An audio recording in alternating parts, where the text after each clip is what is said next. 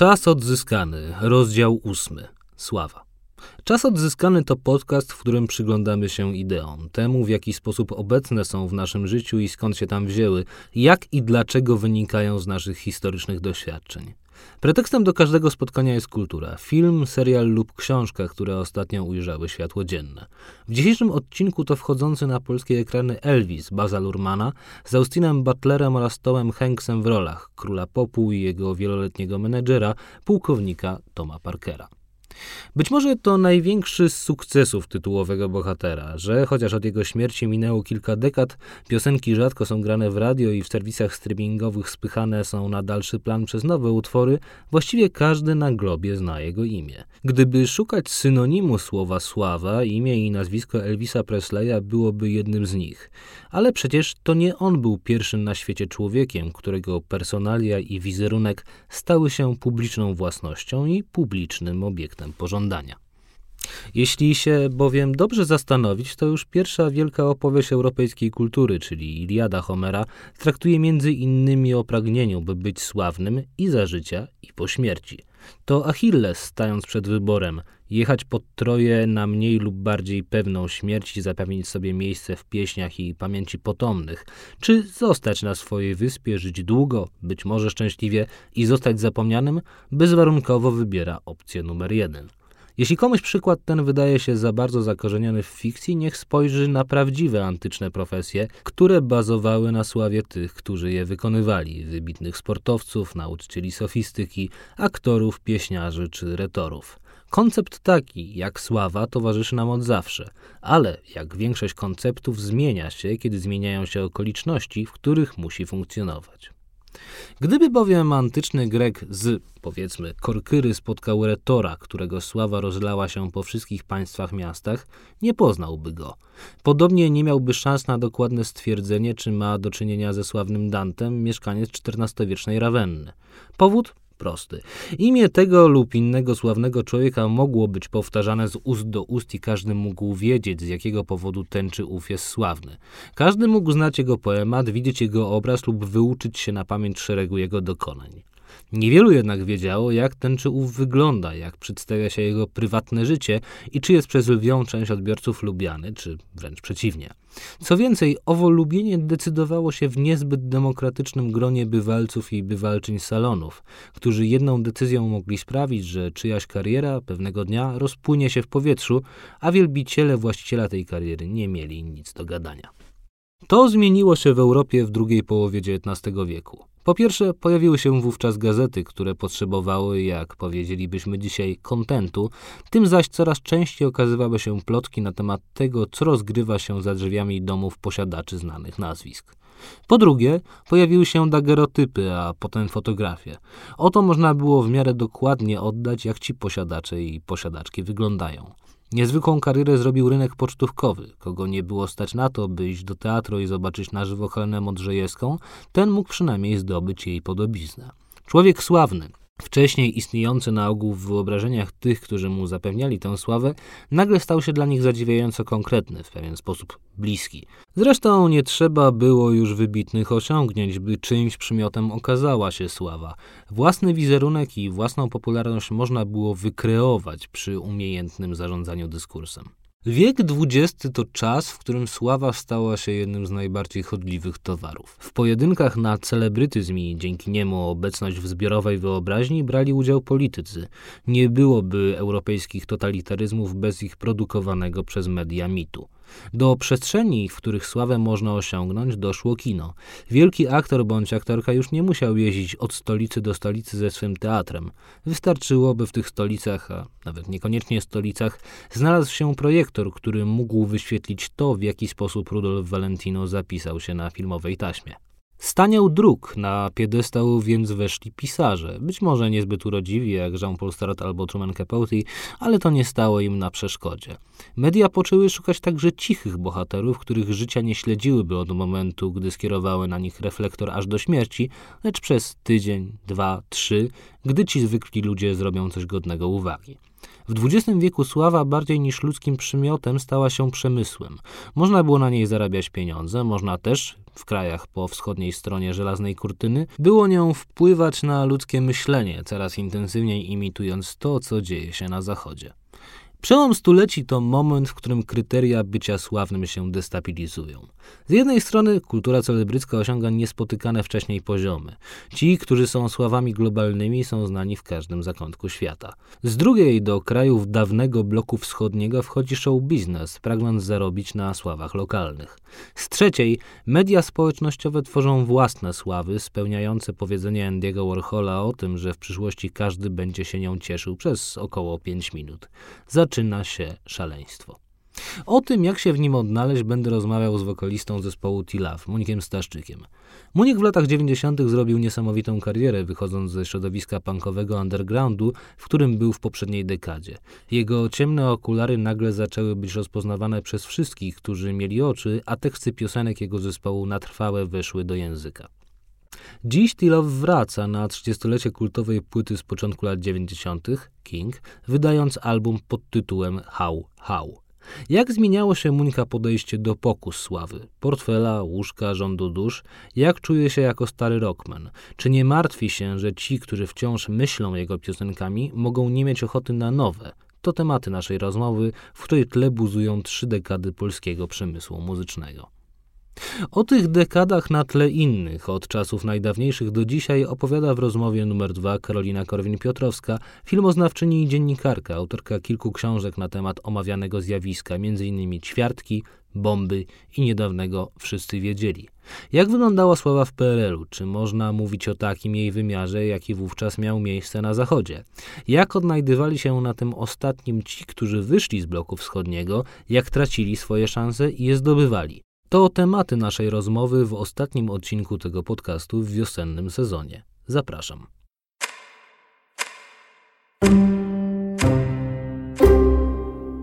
Muniek Staszczyk, dzień dobry. Dzień dobry. Jak smakuje sława? Bo pan śpiewa, że zjadł pan już trzy czwarte dużą łyżką. No to zależy jak jak kto to traktuje. Bo mhm. Ja, historia zespołu T-Love to jest długa historia. 40 lat temu się zaczęła w ogóle jakby no inspiracją była muzyka punkowa, postpunkowa i jestem wychowany na blokowisku, na podwórku w częstochowskiej robotniczej dzielnicy Raków, więc jak zaczynaliśmy zakładać kapelę, to na pewno imperatywem żadnym nie była sława, bo mhm. wręcz wtedy słowo sława było obciachem. To co było wtedy imperatywem? Podobanie się dziewczynom, czy może sama muzyka po prostu? w rock'n'rollu podobanie się dziewczynom to zawsze jest ważne, mhm. natomiast no, był stan wojenny. Generał Jaruzelski wyprowadził wojsko na ulicy. Była wojna, tak jak teraz y, na Ukrainie, tylko wtedy była wojna, pol, wojna polsko-polska. E, byłem w klasie maturalnej. Założyliśmy kapelę w czwartym liceum, o którym piosenka jest y, dosyć znana. E, byliśmy w klasie maturalnej. Właściwie no, nikt z nas nie umiał grać. E, ja wcześniej miałem jakieś tam lokalne kapele, no ale Tila był taką pierwszą mm, może nie pierwszą, drugą, ale byliśmy no, zainspirowani muzyką y, właśnie punkową, potem nowofalową.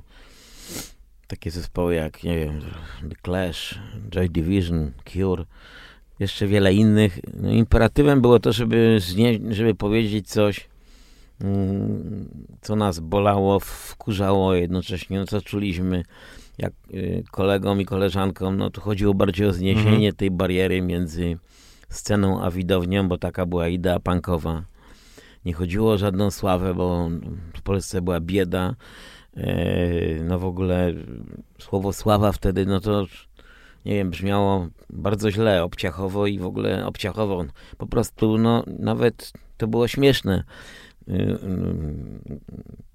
udawać kogoś sławnego albo, no nie wiem, dążyć do tego, kiedy naprawdę na ulicach było wojsko, ZOMO, były manifestacje uliczne, ludzie po prostu siedzieli w więzieniach, ginęli nie tylko tak znane osoby jak Popiełuszko czy Przemyk, ale około setka ofiar stan wojenny pochłonął. No my po prostu byliśmy młodymi chłopakami. Wiadomo, z jednej strony są hormony, e, emocje, tak jak powiedziałeś, e, jakaś tam normalna sytuacja dziewczyńsko-chłopacka, no bo przecież to jest normalne, że w, w, tym wieku, no to każdy jeszcze żył, oprócz tego, że obserwowaniem tej rzeczywistością, to rzeczywistości to każdy żył jakimiś swoimi miłostkami, imprezami, yy, domowymi oczywiście, bo miasta były pozamykane, znaczy no, ja się wychowywałem w Częstochowie, potem przyjechałem tutaj na studia do Warszawy, gdzie mieszkam właśnie 40 lat, no w ogóle inna rzeczywistość, więc na pewno nie sława. No dobra, tylko że w, nawet w takich okolicznościach pojawia się taki moment, kiedy wiesz, że o tobie mówią, wiesz, że jesteś już znany z tego, na przykład, że napisałeś bardzo dobrą piosenkę. Piosenkę, która jakoś porwała ludzi, to znaczy wyraziła jakieś zbiorowe przekonania, coś, czego ludzie nie potrafili powiedzieć, a ty im nagle uporządkowałeś e, myśli, nagle uporządkowałeś ich uczucia i, i nagle usłyszeli to, co, co w nich było. No wiesz, no nie, na samym początku no to byliśmy w totalnym undergroundzie, mhm. ale oczywiście zawsze jest jakaś publiczność, no wtedy to się skupiało na najpierw graliśmy w szkołach, potem w klubach studenckich i, w Jarocinie, y, który był wtedy wiodącym festiwalem, więc na pewno powoli, powoli zdobywaliśmy jakiś tam słuchaczy, sami zaczęliśmy się, siebie wydawać, bo no bo cenzura i w ogóle to, i nie tylko to, no byliśmy jedną z wielu kapel, które wtedy działały właściwie w, w obiegu podziemnym. Ale idąc tą ideą, nie wiem, punkową, którą rzucił, nie wiem, John Rotten z Sex Pistols, zrób to sam, wydawali, zaczęliśmy wydawać własnym sumptem kasety, które żeśmy rozprowadzali na koncertach. No i dobrze pojawiła się publiczność i ten, ten pierwszy etap zespołu to było no, coś, co trudno, że tak powiem, e, było wtedy e, właściwie kupić za cokolwiek. Zyskaliśmy szacunek publiczności. Wiadomo, że no wiesz, e, kiedy przychodzi ktokolwiek pierwszy nie wiem, klepie po plecach, czy nie wiem, jakieś dziewczyny mówią, że jest fajnie, no to jest Yy, no wiadomo, do, do czego zespół doszedł dzisiaj, to jest zupełnie w ogóle inny czas, inny wymiar, ale no, rozmawiamy o początkach. Uporządkowałeś, no to może za mocne słowo, bo zacząłem pisać teksty dlatego, że no nie wiem, miałem, miałem szczęście do, do dobrych polonistów, zarówno w podstawówce, jak i potem w tym czwartym liceum, więc pisałem sobie do takiego swojego zeszyciku, a potem kiedy zacząłem grać na gitarze basowej tak amatorsko, właśnie tym stan wojenny był takim imperatywem i jakby bazą do pisania jakichś tam protest songów, można powiedzieć. Więc wiesz, no, yy, no gra się zawsze dla, dla publiczności, a oczywiście muzyka punkowa, no to chodziło o taką wspólnotę bardziej, bo przecież no, przynajmniej Jarocin był takim festiwalem. No więc to nie było, oczywiście każdemu jest miło, jeżeli wiesz, no ludzie w jakiś sposób to dostrzegają, bo jeszcze to nie było słowo doceniają, bo to jest zawsze tak, że no nie wiem, najpierw, y, najpierw ci mówią, słyszałem o, o takim zespoliku, potem mówią, no, Tilaf, no, już taki, no w sumie wyszliście z undergroundu, piosenka Warszawa, staliśmy, wchodzicie do mainstreamu. Ale, to były już lata 90. Dobra, sam początek. nie przeskakuję, więc dobra, no trudno to nazwać sławą, mhm. ja bym to nazwał rozpoznawalnością. O, ten pierwszy etap, czyli lata 80., no bo jeżeli band y, istnieje cztery dekady, no to, no to wiesz, no każda, to w ogóle są no, dla ludzi młodych, no na, rok 82, no to wiesz, są czasy jakieś historyczne i mhm. totalnie, ale dobra, no wiadomo, że zawsze jakieś ego występuje i jakiś, wiesz, ekshibicjonizm, no bo każda, każda jakaś estradowa, nie wiem, sztuka, popkultura, cokolwiek jest zawodem, to wtedy nie było zawodem, tylko pasją, jakimś tam ekshibicjonistycznym. Yy, musisz mieć ten element, po pierwsze, pewnej rodzaju bezczelności, po drugie, pewnego rodzaju w jakiś sposób pewności tego, że to, co robisz, jest ok i przekonania o tym, że, że chcesz wyjść na tą scenę. Oczywiście pytanie sobie trzeba zadać, po co wychodzisz na tą scenę. Więc ja się chciałem podzielić jaki, taki, jako taki no, przekaźnik, frontman. Do dziś właściwie to mi zostało swoją emocją, swoim jakby no spojrzeniem na świat. I no wiadomo, że fajnie jest jak, wiesz, no jak dziewczyny, wie, dziewczynom się podobasz i a kumplom też, no to to, no to jest normalne, że ale nie tylko po to, no nie wiem, chłopak zakłada kapelę rock'n'rollową.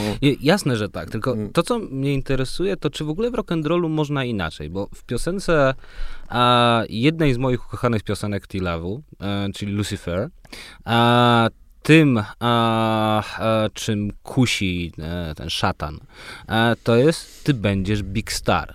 I interesuje mnie to, czy w rock'n'rollu właściwie da się być muzykiem, dobrym muzykiem, który, wiesz, nie ma tego sukcesu, nie jest big star, bo w literaturze można być wspaniałym pisarzem, który ma bardzo ograniczone grono czytelników czytelników. Ostatni noblista, o którym nikt nie słyszał i dopiero kiedy, kiedy, kiedy dostał Nobla okazało się, że, że wszyscy o nim usłyszeć powinni. Można robić bardzo a, niszowe filmy i być wielkim reżyserem. Ale czy w rock'n'roll nie jest wpisane coś takiego, że tłumy cię muszą uwielbiać? Właśnie, że musisz być tym big starem. Wiesz co, no nie wiem, no nie będę tu wymieniał nazw, no ale ja znam, znaczy jest bardzo wielu artystów, yy, wiesz, no, którzy są bardzo dobrzy, a nie są masowi, yy, no, ale rozumiem, wiesz co, no, no mnóstwo jest takich muzyków, yy, wiesz, natomiast, i tak mówisz o pisarzach, no, akurat Nobel to chyba dużo daje, ale ale przed Noblem nikt o nim nie słyszał, no, oprócz no, bardzo gro, grona no, specjalistów. Na przykład, no nie wiem, Olga Tokarczuk stała się, znaczy i tak była znana, ale dobrze, zostawmy Olgę. Yy, ja akurat, akurat mam wielki szacunek do pisarzy, ale dobra, idźmy twoim tropem. Yy, no wiesz, no... Wiadomo, że rock and roll nie jest żadna nowość, co powiem. Wiadomo, że wziął się, nie wiem, z ciężkiej pracy czarnych i z bluesa, czyli ciężkiej pracy na polach bawełnu gdzieś tam po prostu na południu Stanów Zjednoczonych, a potem stał się przez Elvisa i mm, Jerry Lee Lewisa i takich facetów po prostu no bardzo popularny w Ameryce, czyli stał się muzyką białych w dużym stopniu i wiesz, no tak, yy, dobrze i teraz tylko podejście, jakie masz do tego, no bo Star, czy od wiesz co, no, no nie będę hipokrytą, no zespół T-Live jest bardzo znanym zespołem, mm -hmm. zespołem osiągnęliśmy duży sukces tu w, w, Polsce. Natomiast wiesz co, czy jest wpisane, no cholera, yy, może, czy Big, to nie wiem. Star zawsze w jakiś sposób, yy, ale przecież tak samo są gwiazdy, no nie wiem, no no, gwiazdy, wiesz, no nie wiem, y, mody, malarstwa, y, zależy tutaj, może trochę trudniej, malarstwo jest takie trochę mniej jakby no do zdefiniowania, czy literatury, ale zgadzam się z tobą, wiem o czym mówisz, że, że rock and roll jakby no to, no to pojawił się już w ogóle od samego początku ten przemysł, może nie od samego show business, no przyszedł ze Stanów, potem Wielka Brytania, gdzie po prostu no był ten status gwiazd, gwiazd Zgadzam się z tym, ale ja wiem, czy to tylko, czy to tylko muzyka rockowa. No. A kiedy w przypadku Tilawu rzeczywiście to wejście na poziom e, gwiazdy nastąpiło? Znaczy, kiedy nastąpił ten przeskok a, z kapeli e, znanej i rozpoznawalnej w środowisku po taką kapelę, którą rzeczywiście e, kojarzy każdy? Bo ja oczywiście wtedy nie żyłem, ale z tego, co mm, mówiłeś e, w swojej autobiografii, e, to takim momentem jest jesień roku 90. Wtedy wychodzi e, Warszawa, no i Dokładnie. nagle wszyscy zaczynają e, mówić Warszawą, myśleć Warszawą o tym mieście. No wiesz co, zgadzam się, no pierwszy, pierwszy, pierwszy moment, kiedy się Tilaw zawiesił, to był rok 89, czyli zakończyliśmy jakby epokę lat 80., to co powiedziałeś, yy, która nam dała rozpoznawalność, co jest bardzo no, dużym też, jak dużą wartością przez te festiwale. Jarocin zaakceptowała nas publiczność punkowa, chociaż nie graliśmy czystego punka. Wyjechałem do Londynu, po prostu musiałem zarobić kasę, bo dzieciak mój Janek był wtedy w brzuchu mamy, obecnie ma 32 lata. Pojechałem do pracy, jak, jak i dzisiaj jeżdżą ludzie, tylko to były inne czasy. Wróciłem, założyłem nowy skład, już taki żoliborski, warszawski. E, I rzeczywiście nagraliśmy płytę Pocisk Miłości i utwór Warszawa stał się pierwszym mainstreamowym, no to znaczy wszystkie radia zaczęły grać, więc ten przeskok z undergroundu do mainstreamu, to tak jak powiedziałeś, jesień 90 i początek, jakby dekada się skończyła pewna, rozpoczęła się dekada nowa, komunizm upadł, w ogóle akurat tak się to zbiegło, wracam z tej Anglii, jest taka po prostu, można powiedzieć, no, mentalna wiosna, e, nie tylko w Polsce, ale w całym bloku wschodnim, bo wszystkie kraje się wyzwalają. Jakby wyleciałem z Polski dokładnie w czerwcu 89, kiedy komuna...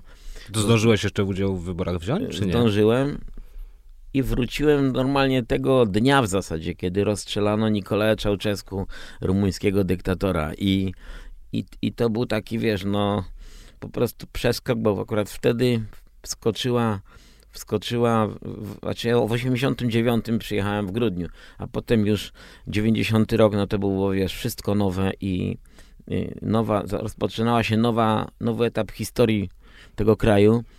I Warszawa, pierwszy mainstreamowy singiel i zaczynamy grać koncerty, które po prostu no, w jakiś sposób przynoszą nam dochód, no nie jesteśmy krezusami, ale no zaczynamy zarabiać z muzyki, bo w 80 no to było tak raczej, no nie wiem, no na rozrywkę taką drobną typu, nie wiem, yy, alkohol, jakieś jedzenie w knajpie, yy, no radość taka wspólnoty, to nikt do kieszeni nie odkładał, bo wszyscy byliśmy biedni.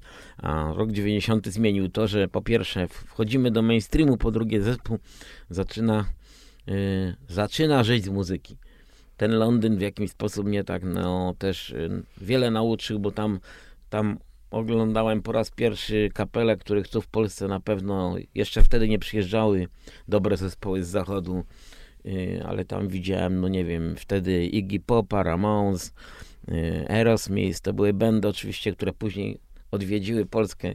Teraz to wszyscy odwiedzają Polskę, ale też no, zobaczyłem, jak wyglądają normalne koncerty. Mm -hmm i pomyślałem, że muszę zrobić profesjonalny band. Koniec z undergroundem, robimy kapelę, nie to, że inną, tylko no dosyć podziemia. A ty od początku wiedziałeś, że to będzie właśnie kapela? To znaczy nie miałeś takiego poczucia, że okej, okay, zaczyna się tutaj gospodarka wolnorynkowa, właściwie każdy, kto zna trzy słowa po angielsku, może teraz w bardzo krótkim czasie zrobić gigantyczną karierę, że może ja też, bo skoro miałeś już dyplom polonistyki, znałeś język, byłeś trochę na zachodzie i czy nie myślisz sobie, okej, okay, wejdzie teraz dużo firm, może ja się w tym zaczepię. Znaczy, dlaczego mm, oprócz pasji, oprócz miłości do muzyki, dlaczego to był właśnie wybór kapeli, żeby jednak odwiesić Tilaf i robić dalej, chociaż na innym poziomie to, co robiliście w 80 No wiesz co, no po prostu powód był prosty, bo wyjeżdżając właśnie w tym czerwcu 89, właściwie chwilę wcześniej zawiesiłem zespół i już dużo wcześniej miałem tak zwany taki, jak to można powiedzieć, kryzys twórczy. Nie napisałem żadnego tekstu od chyba wtedy dwóch lat. Yy, w tym 89 to już nie powstawały żadne nowe piosenki od chyba 87.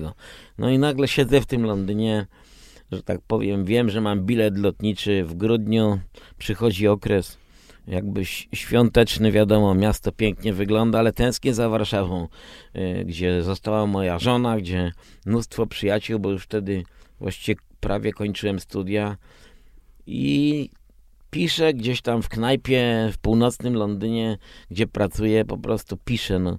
Y, wskakuje mi ten tekst i potem na gitarze takiej, która mieli akurat w domu, tym londyńskim mieszkaniu leżała gram po prostu na basowych strunach jakiś prototyp muzyki. E, to takie najpierw folkowe było, bo byłem wtedy pod dużym wrażeniem zespołu The Pokes, który wtedy bardzo mocno wchodził w Anglii. I mówię, no jest, ale mam, napisałem świetną piosenkę i mówię, jak wróciłem tutaj, już wtedy mi się urodziło, że jeżeli jest jedna piosenka, to nawet dla tej piosenki warto y, założyć, a jeszcze przed samym wylotem do do Anglii. No mój już przyjaciel świętej pamięci Piotr Bratkowski, świetny dziennikarz, powiedział mi, że na Żoliborzu jest kapitalny gitarzysta Jan Benedek, młody chłopak, który gra jak Kid Richards ze Stonesów. On wtedy grał w Tilcie, w zespole Tilt. Ja go już zobaczyłem wtedy i właściwie poznaliśmy się, ale no nie tam, że jakieś kumplectwo, tylko przybiliśmy sobie piątkę. I mówię, jak jest taki koleś, wziąłem od niego telefon i ja napisałem piosenkę, no to kurde, no to z, z tym gościem, który gra na gitarze, jak wtedy na, na polskim rynku nie było tego typu gitarzysty. Jako, jako fan Stonesów, ale nie, no i jak myślałem sobie wtedy, gdy ta piosenka powstała, bo gdyby nie było tej Warszawy, no to wiesz co, rzeczywiście bym zastanawiałem się, może zostać dziennikarzem muzycznym, mm -hmm. bo... To były też złote czasy mediów. No, w końcu przecież y, można powiedzieć, że od lat 70 byłem, jakby miałem te swoje wylatane godziny w muzyce rockowej, można powiedzieć, że się na tym znałem. Ale piosenka Warszawa da, dała mi to, że mówię, no dla tej jednej piosenki trzeba po prostu spróbować, bo widziałem w niej potencjał. Jak wróciłem do Warszawy, to zacząłem ją grywać różnym znajomym, po prostu tak na takim prymitywnym basie i wszyscy mówili, ale zajebiste. Znaczy wszyscy, to była oczywiście grupa wąska moich znajomych. No i potem telefon do Janka Benetka i, i tak się poznaliśmy. I to był ten, ale ten Londyn jeszcze po prostu mnie o tyle ośmielił, że ośmielił. Zobaczyłem, jaki jest wielki przeskok między tym, co w Polsce koncertami, które doskonale znałem, bo przecież Tila grał w 80 latach sporo już. Y, jak się robi zawodowe koncerty z zawodowymi światłami w zawodowych klubach, których i mówię, no cholera, przecież jak mam takiego, mam, znam takiego gitarzystę jak Janek Benedek, to przecież y, może się do, dokroi jakiegoś basistę, bębniarza, może drugiego gitarzystę i tak powoli zaczął się budować.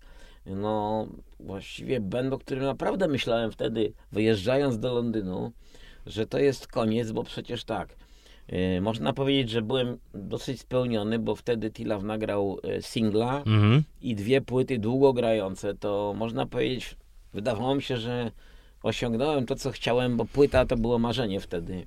Zagrałem parę razy w Jarocinie, no yy, można powiedzieć, że byłem już kimś w tym undergroundzie. I no co, no przecież w tym rock'n'rollu już zrobiłem dużo.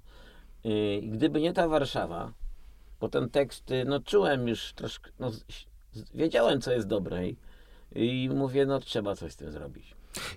Kiedy po raz pierwszy usłyszałeś, że ludzie mówią tobą i mówią twoim tekstem? Bo nawet jak tutaj szedłem, ja tutaj mieszkam obok, tylko że już po żeliborskiej stronie i zobaczyłem te wspaniałe drzewa i wspaniałą wiosnę, to pierwsze skojarzenie było oczywiście zielony żoliborz, pieprzony żoliborz. Uznałem, że tego nie wykorzystam, bo pewnie słyszysz to zwłaszcza wiosną, a 100 razy dziennie. Ale kiedy właśnie słyszysz tę frazę, słyszysz o Grochowie, który się budzi przy, z przepicia, a słyszysz o tym, że krakowskie przedmieście zalane jest słońcem i tak dalej, i tak dalej. E, kiedy to się zaczęło? Jakie to było uczucie? Bo ty rzeczywiście trochę ustrukturyzowałeś tę wyobraźnię ludzi, którzy myślą o Warszawie, nie? Tak jak kiedyś się ustrukturyzował Tyrmand na przykład, że stworzyłeś jakąś dosyć kultową mapę miasta. Wiesz co, no postawiłem, jeszcze nie było wtedy hip-hopu, ale postawiłem, pomyślałem sobie, że warto napisać coś lokalnego. Mm. Yy, po prostu lokalnego, czyli no, moja żona jest Żoliborzanką, mieszkaliśmy po prostu na ulicy Przasnyskiej na Żoliborzu tuż przed moim wyjazdem, więc tak, no Częstochowa, miejsce urodzina, urodzenia, no ale w wieku 19 lat przyjechałem tutaj. I to jest moje absolutnie też już miasto, absolutnie można powiedzieć rodzinne, ale to mieszkam 40 lat w Warszawie, ale wróćmy do tego momentu. Wtedy nie było piosenek za dużo, albo nawet nie wiem, czy nie byliśmy pierwsi, kiedy po prostu postawiłem na lokalność dlaczego nie zaśpiewać o swojej ulicy, o swoich miejscach, gdzie, dlaczego je normalnie nie nazwać tak, jak się nazywają. Yy, dla, yy, pomyślałem sobie wtedy, że z tęsknoty oczywiście. Yy, I potem naprawdę mnie to, pamiętam bardzo, w jakiś sposób no, nabrałem jakiejś takiej no, pewności słyszałem, jak już, jak już wróciłem tutaj i pamiętam jak dziś ten dzień jechałem taksówką nie wiem, już, może mi już było stać na taksówkę. Jechałem przy Placu Konstytucji i jakieś radio, już wtedy były te stacje, że tak powiem, prywatne, nie wiem, czy to była Zetka. I był wywiad z Agnieszką Osiecką. I ktoś jej zapytał, czy coś słyszała ciekawego w polskiej muzyce. I ona powiedziała, że nie zna zespołu, ale że tam chłopak śpiewa bardzo fajny tekst do Warszawy, no co mnie na, na maksa w ogóle, wiesz, no, bo dla mnie, wiesz, no wiadomo, no, Osiecka i Młynarski, no to wiadomo, że no Marek Grechuta, ale to Marek Grechuta raczej śpiał poezję. No po prostu, no to była, no wiadomo. Ja mówię, no kurczę. I wiesz co, no postawiłem na lokalność. Rzeczywiście, no w tej chwili, no jest, jest to kultowa piosenka, ale no chciałem, wymieniałem te miejsca wtedy z tej mapy mojej, bo to była taka mapa właściwie yy, Grochów, czyli Akademik Nakickiego, jazda yy, na żwirki i wigury do, do tego po prostu beznadziejnego studium wojskowego, bo wtedy uczyliśmy się po prostu, komuna była yy, tak przeraźliwie nudne jakieś zajęcia y, prowadzone przez jakiś tam już jeszcze, jak to się mówi, trepów wojskowych. Y, pamiętam ten przystanek przy Uniwersamie Grochów, chyba 188 albo 182 i te właśnie e, zimy obrzydliwe. Autobus przejeżdżał na Żwirki Wigury, czyli przejeżdżał przez most. I to jest e, Grochów, wiadomo, e, trasa.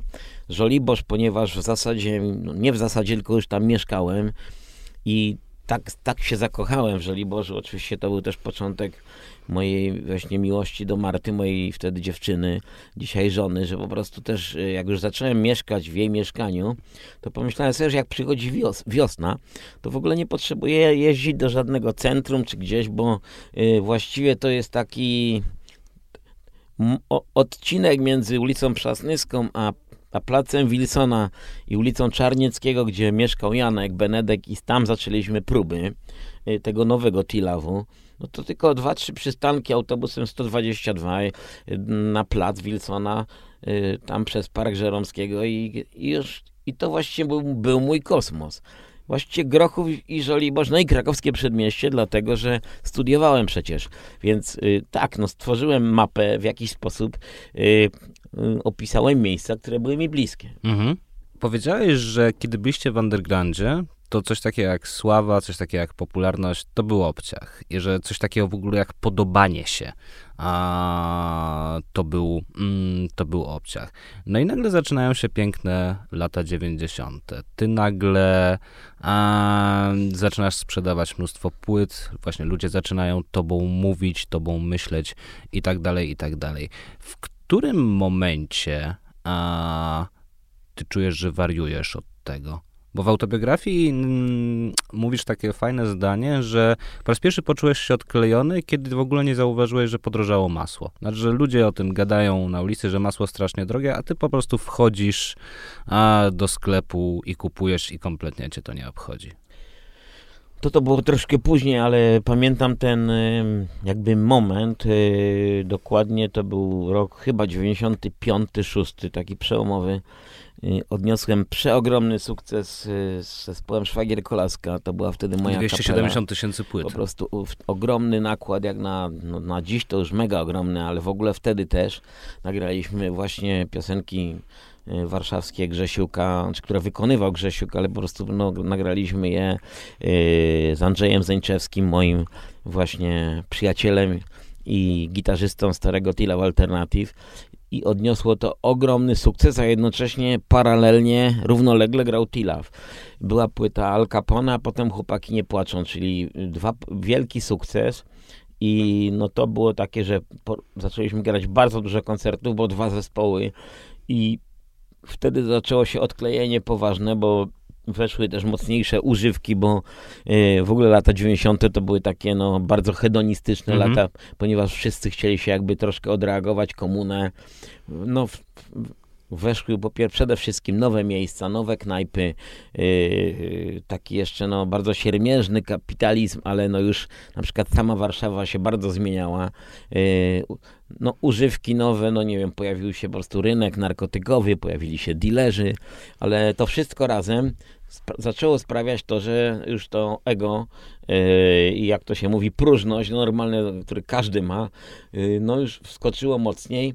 Yy, nigdy, nie, nigdy nie było takiego odklejenia całkowitego, bo, no bo jednak ten mój blog częstochowski, ten punk trzymał mnie yy, i to robotnicze pochodzenie jednak yy, w miarę blisko ziemi, ale pamiętam jak mój przyjaciel żoliborski Paweł Dunin-Wąsowicz powiedział mi, a zawsze życzył mi dobrze, ale był bardzo krytyczny wobec y, po prostu tego, co Tilaw robił. Też krytyczny, ale po prostu w, w, w dobrym sensie powiedział mi, wiesz co Zygmunt, ty przestałeś pisać y, zajebiste teksty, jak się przesiadłeś z autobusu do Nissana. Była taka piosenka z 97 roku, Komercja, nie? że tak, już nie jeździsz tramwajem. Yy, tak, po prostu kupiłem sobie pierwszy samochód zachodni, używany, w roku chyba 95, co wtedy można powiedzieć było pewnym sukcesem, nawet niepewnym, że za własne pieniądze, bo wcześniej jeździliśmy z żoną maluchem, tam kupionym za jakieś, to pierwszy samochód, za jakieś tam talony uzbierane przez naszych rodziców. I, i i to był ten moment, kiedy właśnie pamiętam, jak Paweł, co mnie wtedy troszkę nawet zabolało, ale to absolutnie rację miał, powiedział, wiesz co Zygmunt, to właśnie w okolicach płyty Chłopaki nie płaczą, pisałeś lepsze teksty, jak jeździłeś komunikacją miejską, nie?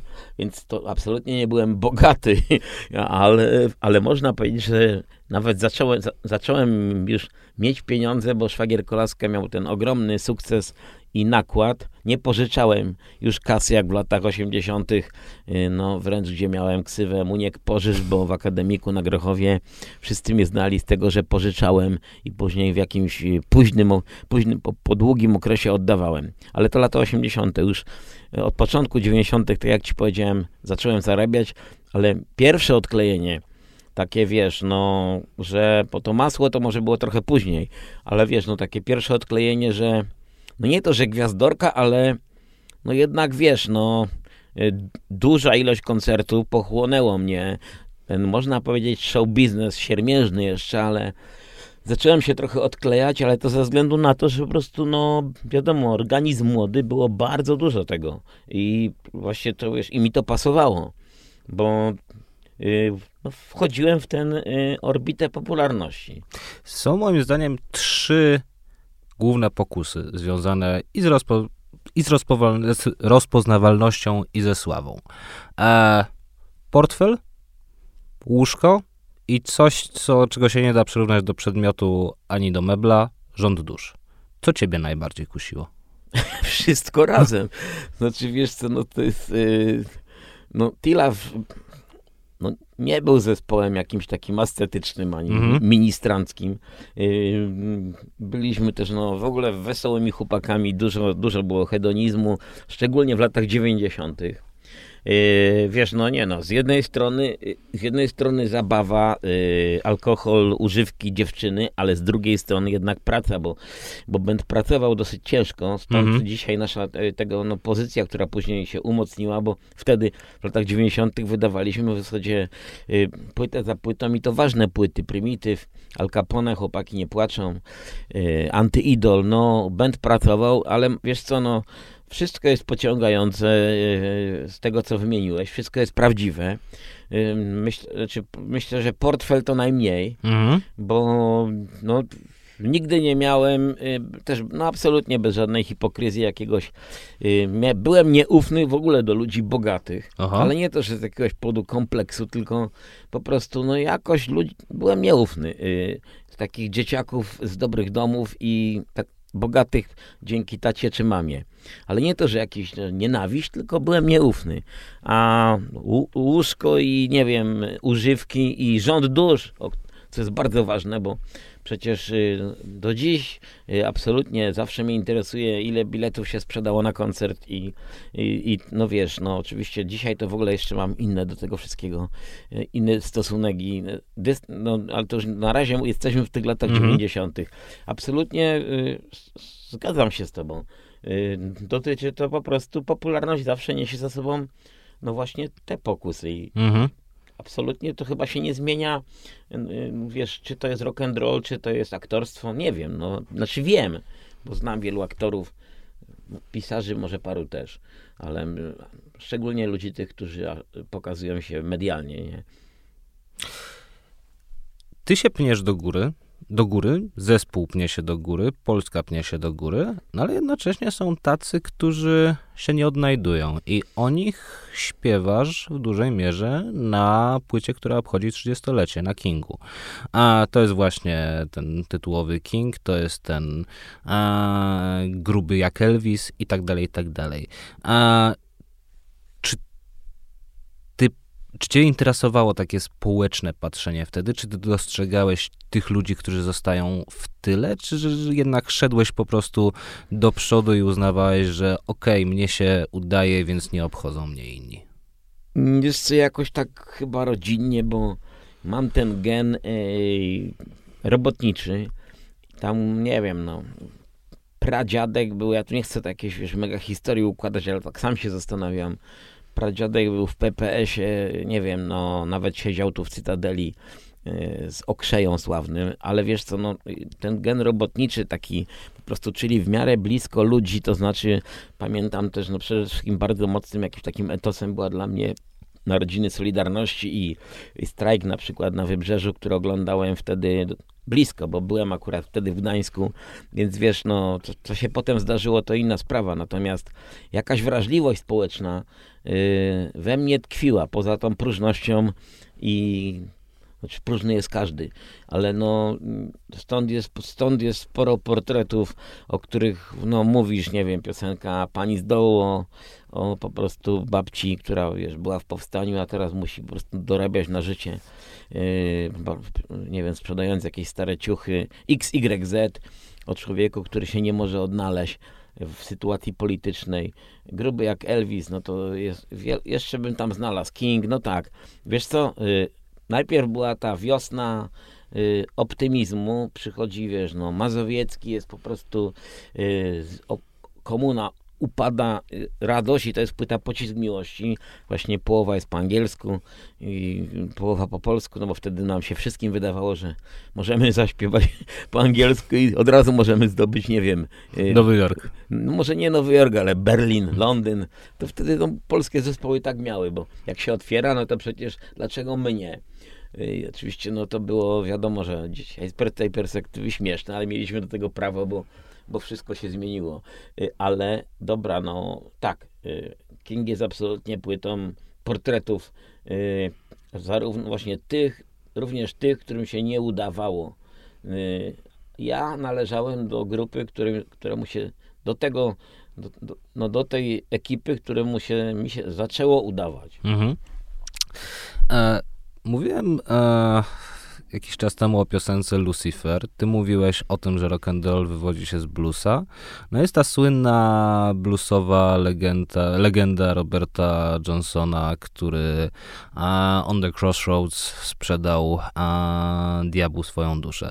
E, I Pytam cię w tym momencie jako człowieka wierzącego, mhm. czyli człowieka, dla którego diabeł to nie jest tylko jak dla mnie metafora, to, mhm. nie, jest, e, to nie jest tylko jakieś poetyckie określenie wielu pokus, jakie mhm, mhm. a, czekają na człowieka. Czy ty miałeś taki moment, kiedy wydawało ci się, spotkałem diabła i on mi coś zaoferował? Znaczy dla mnie jako dla wierzącego to jest taka sama sytuacja jak była, nie wiem, 2000 lat temu. Dla mnie diabeł jest zupełnie realny, mm. tak jak i Chrystus jest realny, ale to wiesz, kwestia światopoglądu. Nigdy nie miałem żadnych, wiesz, yy, że tak powiem, jakichś pokus, ani jakichś po prostu kontaktów satanistycznych, ani w ogóle jakichś paktów, to nie. Mm. Natomiast wiesz co, no Lucifer yy, jest napisany właściwie stara jak świat historia, yy, po prostu, o której, no nie wiem, no to jest w ogóle taki numer bardzo mocno gdzieś inspirowany Dylanem. Mhm. I wiadomo, no Dylan śpiewał o wielu rzeczach. I, no i tutaj jest no, ta normalna, klasyczna sytuacja. Yy, dobro, zło, yy, można powiedzieć w pewien prosty sposób opisana. Właśnie pokusy i, i no ten, który cię kusi, dla mnie to jest szatan, mhm. ale dla kogoś może być, nie wiem, los. Yy, i ten, y, i no po prostu jego gra, jego gra z tobą, jak gierka, no nie wiem, to akurat w, tym, w tej dziedzinie, w której jestem, yy, mogłem to napisać z jakiegoś własnego doświadczenia, ale nie, żadnego doświadczenia nie było, typu, że prosiłem o coś diabła, czy yy, po prostu realny kontakt. Natomiast no wtedy y, to był taki czas, kiedy rzeczywiście już no, złapała mnie, jak wielu muzyków, dosyć modny dzisiaj temat no depresja Mhm. taka poważna. Y, I w związku z tym, że robiliśmy płytę Oldies Gold, która miała być tributem jakimś naszym po prostu takim no, cegiełką, jakby, żeby spróbowaliśmy się zmierzyć z bluesem. Y, No oczywiście z country, z folkiem miałem już po prostu grubo po 40 byłem i, i wydawało mi się, że właściwie przed 50, że jestem już dorosły chłopak i mogę się zmierzyć. Stąd Lucifer, piosenka po prostu jedna z tych, która też została napisana tak jak King, w sposób taki, jak to się mówi, wylana na papier, Mhm. bo takie piosenki zdarzają się. Warszawa, y, wychowanie, czy jak się okazuje ważne. King czy Lucifer, gdzie napisałem to można powiedzieć w 7 minut, ale sie- siedziałem w domu swoim, gdzie teraz mieszkam, warszawskie Włochy i y, no strasznie tak jak po prostu, y, że tak powiem, znokautowany po jakiejś trasie, mentalnie i fizycznie jakaś ciężka bardzo, grypa jakieś ciężka, się strasznie rozchorowałem i, i gdzieś po prostu zacząłem ta, to pisać. I no, oczywiście Dylan był też w głowie i tak, tak, no a, oczywiście pisałem, pisałem to z perspektywy człowieka wierzącego, ale nie, nie jakiegoś dewota, tylko po Mhm. prostu, y, a poza tym jest to taki temat stary jak świat i, i wielu artystów, y, nie jestem tu jakiś, nie jest żadne nowum, y, no, których lubię, no nie wiem, jak nie wiem, Nick Cave, Bob Dylan, no nie wiem, Johnny Cash, y, ten tematy poruszali, ale, no ale nie tylko oni oczywiście. A To- znasz piosenkę Waitsa o tym? Jest bardzo fajna. To jest, e, nazywa się Just the Right Bullets. To To jest, muszę, muszę posłuchać. to jest w ogóle z, Waitsa, ale... e, to jest e, z ciekawego przedsięwzięcia, bo to jest z adaptacji Wolnego Strzelca Karola Marii Weberna, którą dla Teatru Odeon w Paryżu zrobił Robert Wilson i zatrudnił Waitsa, żeby zrobił muzykę i żeby zagrał diabła. I to jest właśnie piosenka o tym, jak diabeł przychodzi do... Fabułka jest taka jak w Mhm. operze. E, przychodzi do głównego bohatera i mówi, że ja te kule, mm, które masz w strzelbie, zaczaruję, pójdziesz na polowanie, ustrzelisz najwięcej zwierzyny, no i dzięki temu dostaniesz rękę tej tam córki właściciela, właściciela dworu, bo taki jest konkurs tam, nie? Nie słyszałem, muszę naprawdę... Just Ride the Bullet? Just the Right Bullets. To jest w ogóle fajna piosenka, bo to jest najbardziej melodyczny Waits, oprócz chyba płyty Rain Dogs, nie? To znaczy tak, że, że tego się słucha i to z, aut- z automatu zaczynasz to podśpiewywać. Jak wyjdę stąd, to sprawdzę. Poważnie. Dobra.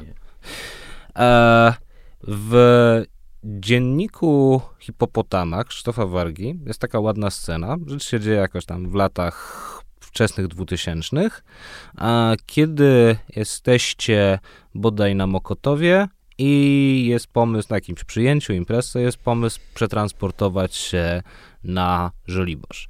No i wszyscy mówią, dobra, idziemy do metra, tak, no bo przecież no, jeździ i będzie szybciej. Natomiast ty nalegasz na to, no nie, do cholery, weźmy taksówkę. Na co zostajesz przegłosowany, jedziecie jednak metrem i w metrze wszyscy twoi koledzy, też ludzie pracujący w mediach, jakoś w dyskursie i tak dalej, i tak dalej, nagle widzą, na czym to polega. Ciebie obsobacza tłum, a wszyscy chcą twój autograf, to jest jeszcze jakiś czas wczesnych telefonów e, z tymi, e, z aparatem fotograficznym, wszyscy chcą jakieś zdjęcie z tobą e, i tak dalej, i tak dalej.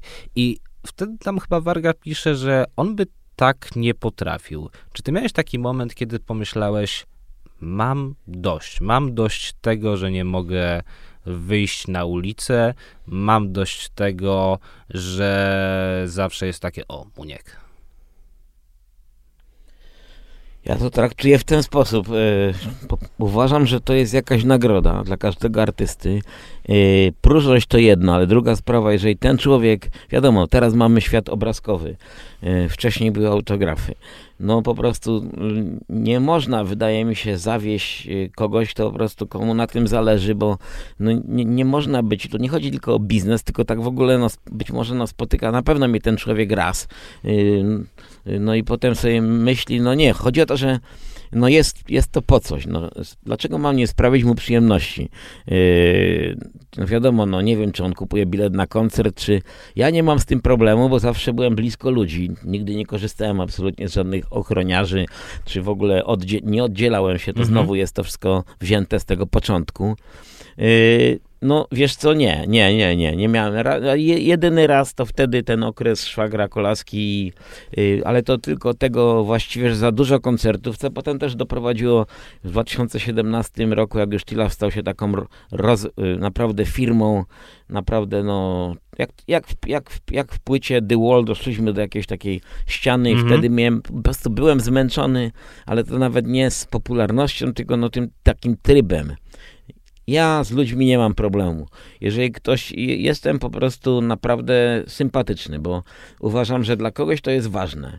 Yy, nie patrzę tylko w ogóle w ten sposób, że biznesowo, tylko że może on kupi moją płytę, ale no jeżeli chce to zdjęcie, szczególnie teraz, no przyjmuję to jako po prostu, no świat je, je, zbanalizował się, jest obrazkowy, kiedyś ludzie chcieli autograf, teraz są foty wszędzie, ale tak jest, no muszę to przyjąć.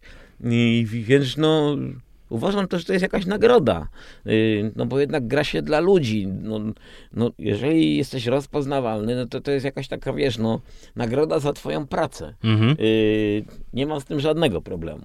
Y, nie, znaczy, no wiadomo, że wiesz, no, no nie jestem, mm, no wiesz co, no, to nie jest y, y, no, taki może problem, y, jakbyś był gwiazdą światową, ale no, mhm. Polska też nie jest takim małym krajem.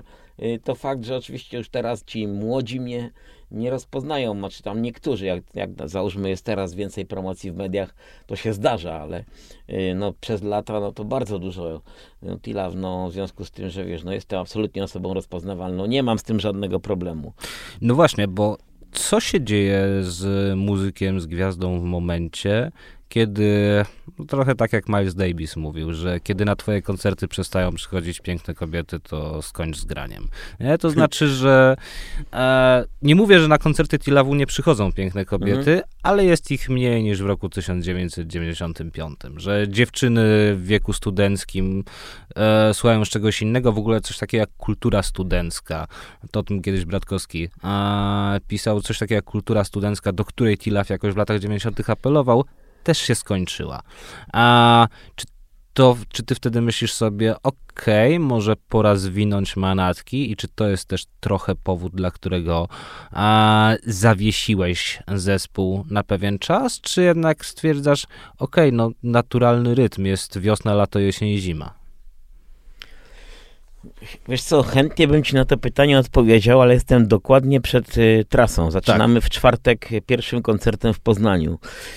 Wiesz, i teraz tak, no widziałem już to w 2017 roku, ale już dostrzegłem to ewidentnie w koncertach akustycznych Muniegi Przyjaciele. Oczywiście one mają inny charakter, ale nie już wcześniej dostrzegłem, że no, nasza publiczność się starzeje. Teraz też widzę, no, jak, jak ludzie podchodzą, yy, proszą autograf. Yy, w dużym stopniu są to równolatkowie, nie wiem, no nie patrzę w metrykę, ale nie wiem, na pewno 40, 60, ale zdarza się też ktoś młody. Jestem bardzo ciekawy i to bez kitu ci mówię, jestem bardzo ciekawy kto i kto teraz przyjdzie na te koncerty? Mm -hmm. Kto? Bo y, oczywiście byłby to wielki komplement y, dla zespołu i dla mnie jakby było nie spodziewam się tłumów ludzi młodych, bo no po prostu, no, nie sądzę, żebyśmy byli cool dla młodych, ale jak, nie wiem, no, ostatnio dziewczyna, wiesz, z radia SK Rock powiedziała mi, że według niej, ale no wiesz, no, nikt nie jest tu wróżbitą, że według niej singiel Pochodnia, główny singiel z tej nowej płyty Hał Hał, yy, nagrany z Kasią Sienkiewicz z Kwiatu Jabłoni, jest świetnie wybranym singlem i, i mogę się z tobą założyć, ze mną, że, że złapiecie ludzi młodych. Ja mówię, no, ja mówię, no fajnie by było. Znaczy to, że wiesz, no yy, rzeczywiście, no piękne kobiety to jest zawsze świetna rzecz. Yy, nie wiem, no jestem bardzo ciekawy koncertu w Stodole, który będzie za chwilę. No wiem, że się na, zbliża do, do sold outu, czyli to jest jakiś sukces. Jeszcze nie ma kompletnego, ale za chwilę będzie, więc, ale wiesz, no mam świadomość, że publiczność się starzeje, bo ja pamiętam taką rzecz. To jest ciekawe nawiązanie do tego, co mówisz. Rok 89. Przylatuję do Londynu. Yy, wiesz, oszołomiony, Londyn i tak dalej. Kupuję jedną z gazet, chyba New Musical Express, czy inną, Record Mirror, nie pamiętam. I jest akurat recenzja płyty Steel Wheels Rolling Stones, która wtedy wychodzi. Ja po prostu, no wiesz, podjarany myślałem, że tam po prostu, nie wiem, będzie zachwyt. Yy, no prasa brytyjska, Rolling Stones. A oni po prostu Zjechali? piszą tak, jak, jak no po prostu z całym szacunkiem, ale coś w rodzaju jak u nas, nie wiem, o, o budce suflera. Aha. No, po prostu, że wiesz, no, że obcia- znaczy nie, no tak, a ja mówię, co? A wtedy byli dużo młodsi. Mm. Pierwszy raz się z tym zetknąłem, że w ogóle, no już no, że z Gredzi i tak dalej, no wiadomo, oni pewnie byli wtedy w okolicach 50, no nie wiem. Jak teraz Jagger ma prawie 80. Dobra, y, n- już nie chodzi o. Więc wiesz co, wtedy to było takie pierwsze, a wtedy byłem chłopakiem no, no, młodym, ale dobra, no teraz patrzę na to tak. y, Wiesz co, to jest bardzo ciekawe pytanie. Od, y, I teraz tak, za, y, wskrzesiłem Tilaw. Bardzo się cieszę, bo jestem no teraz w tym momencie, że no jara mnie to, że zebrałem się z kolegami sprzed 30 lat. Zrobiliśmy y, płytę z Jankiem Benetkiem, napisałem piosenki tak jak 30 lat temu. Jestem bardzo z tej płyty zadowolony artystycznie. Y, Na razie ma dobre recenzje i, i, i wiesz, no raczej mówią ludzie, że się obroniła. Y, Mówię oczywiście na, o dziennikarzach i tak dalej, bo weryfikacja będzie pełna na koncertach. Słuchaj, no wiem, że kultura studencka jest zupełnie inna i, i wiesz, niech, y, i wszy- no, absolutnie się estetyka zmieniła i no, no wiem, że no to wiem na pewno, że zespół Tila nie jest dzisiaj, nie, chyba nie może być cool dla, dla młodych. Ale to nawet nie chodzi o to, żeby był cool dla młodych po prostu jako zespół. I to wyjaśnię ci, o co mi chodzi e, anegdotą. Kiedy już wiedziałem, że będziesz moim gościem, a któregoś wieczora otworzyłem sobie butelkę wina, usiadłem Mhm. z moją partnerką i Mhm. powiedziałem, słuchaj, przyjdzie Muniek, przesłuchajmy sobie, teraz si- siedzimy, Mhm. napijemy się, przesłuchamy sobie a, tej nowej płyty Tilawu. No co moja partnerka powiedziała, wiesz co, może przesłuchaj sobie tego sam na siłowni, a pójść teraz Gnijący Świat, pójść teraz Warszawę, A teraz- przepraszam, ile mniej więcej ma lat? 31. Mhm. Więc puść te wszystkie szlagiery, które my znamy, które nam towarzyszą od zawsze, których ja też sobie często sam po prostu idąc Mhm. ulicą e, słucham. W sensie, że wiesz, to trochę tak, że kiedy wychodzą nowi Stonesi, no to wszyscy mówią, okej, dobra, przesłucham sobie, ale jak idę na koncert, to zagrajcie Sympathy for the Devil, bo to jest No, to, co ja chcę no tak. usłyszeć. Zagrajcie Brown Sugar. Mhm. Zagrajcie wszystkie, wszystkie, wszystkie rzeczy, z których jesteście znani, bo wasz okres takiej kreatywności się, się skończył i możecie Mhm. rzeczywiście pisać fajne kawałki, bo to jest super płyta, mi się tego świetnie słuchało, zwłaszcza Pochodni i Ja Ciebie kocham. Mhm. A, natomiast oczekujemy od was, e, no wiesz, takich evergreenów. No to jest szczęście zespołu tak, takiego jak nasz, że ma, ma repertuar. No, no radio jest wiesz, taką pamięcią, no grane, grane są piosenki. Też mi kolega powiedział z branży muzycznej, bo ja też tak właśnie trochę narzekałem, mówię stary, no ale jesteśmy z Gredami, no wiesz, nie, w ogóle no co, jak to będzie na koncertach? On mi mówi to samo co ty, ale chłopak troszkę młodszy ode mnie, ale pewnie starszy od ciebie. Mówi, ale, ale Muniek, macie dużo ponadczasowych piosenek i ludzie pewnie chcieli, będą chcieli to posłuchać. Ja mówię, no masz rację. I no pewnie tak będzie. No, ułożyłem set listę z prawie 20 kawałków, no, gdzie po prostu musiałem iść na jakiś kompromis, balans między nowym albumem a na naszą historią. No, ciekawe to, co mówisz. A jak się u was różniła ta robota nad płytą od roboty nad Kingiem trzy dekady temu? I nie chodzi mi tutaj o to, że macie lepsze studio, o to, że, e, że, że macie lepsze instrumenty i tak dalej, i tak dalej, ale idzie mi o taki moment, że wiesz, trzy dekady temu e, czujecie, że jesteście na fali wznoszącej, po prostu cały, cały świat ob, obok was jest na, jest, jest na fali wznoszącej, tak, że pojawiają się banany na placu Wilsona, ty o tym mówisz e, e, w autobiografii. E, No a teraz z tym samym składem, no i mamy rok 2021-2022 i jak to się różni u was mentalnie, kiedy jesteście w studiu i, i pracujecie nad tym? No wiesz, no bracie, no, no, cały, cały świat się zmienił, dotyczy to każdego z nas.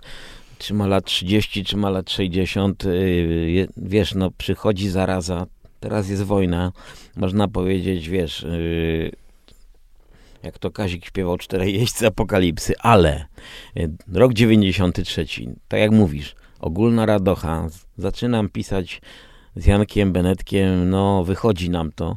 Sukces Warszawy, wiesz, no do przodu, to było taki rozpęd.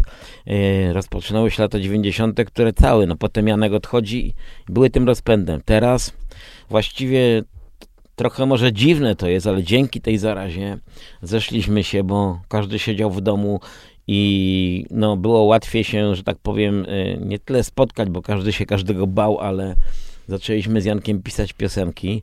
Yy, no można powiedzieć tak na początku online, ale zacząłem do niego przyjeżdżać na Młociny do domu, on tam ma małe studyjko.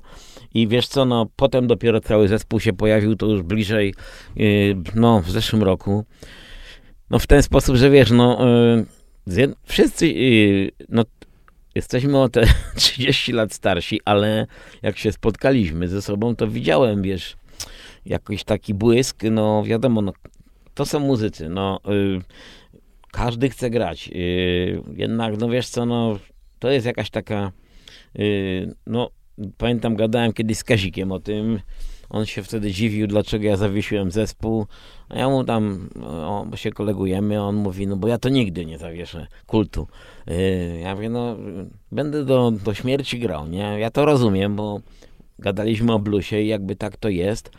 Y, ja nie wiem, jak będzie ze mną, bo to jest ciekawe, co to zapytałeś o to. Wiesz, no w tej chwili jestem, no, na takiej fali, no nie.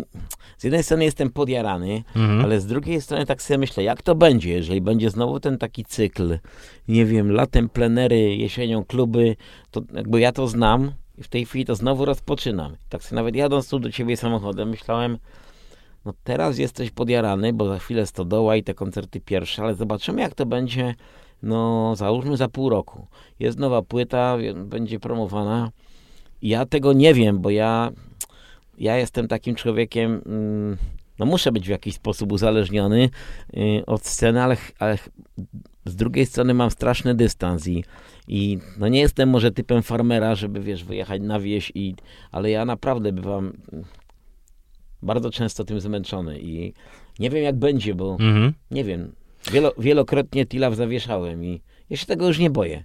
Ja tego nie wykluczam, że ja tego nie wykluczam, no, że po tej płycie, nie, ale nie od razu. Ja tego nie wykluczam, że nikomu, nie wiem kto nie chce tego, to mam nadzieję, że koledzy moi nie słuchają. Ja nie wykluczam tego, że pod koniec roku... Że znowu i powiesz, że nie będą mieli roboty za chwilę. Ale ja nie mówię na pewno, mm -hmm. tylko że być może pod koniec roku następnego, ja tego nie wykluczam, bo zacząłem myśleć o tym, yy, zastanawiając się, mówię, tak stary, no zaczyna się wiosna, tak jak mówisz, zielono, za chwilę jedziesz, ale czy tak naprawdę jesteś aż tak podniecony? No pierwszymi koncertami na pewno, ale patrzysz na swój kalendarz i, ale z drugiej strony, ale co ja mam robić? Znaczy wiesz, tak mówi wielu, ale ja nie, nie wykluczam tego, że, że, że to się może skończyć.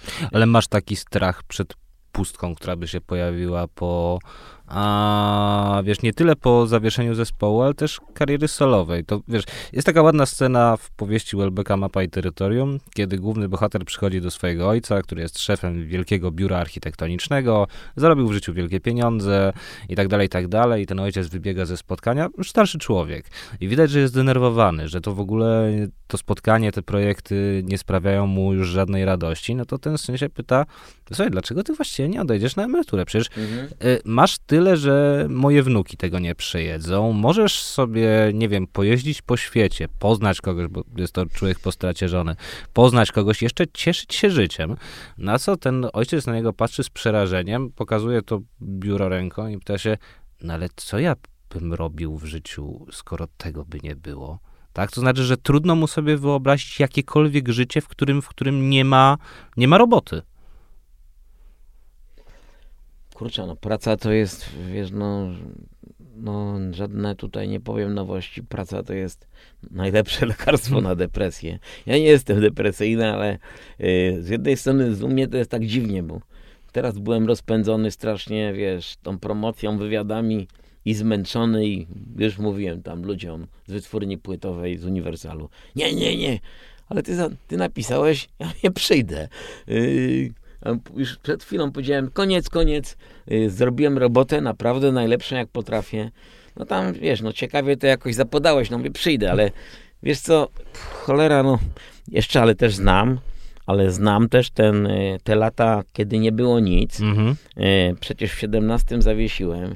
Y, wiesz, wiadomo, potem różne perturbacje mocne zdrowotne, mhm. ale 18 cały, wiesz, i ja nie powiem, żebym tęsknił bardzo, bo ja już znam ten, wiesz, no potem jak już wyszedłem, że tak powiem, żywy z tego wylewu, no to, no to wtedy się takie pojawiły tematy, że, bo wcześniej już przed wylewem nagrywałem płytę, ale solową właśnie, żeby mhm. się... Czyli syna miasta. Żeby się trochę odciąć od tamtego, co było z Tilawem, ale wiesz co, już znam ten smak y, tego nierobienia tego. Pamiętam jak w roku 18 po zawieszeniu Tilawu jeździłem po mieście i widziałem po prostu no, plakaty moich kumpli.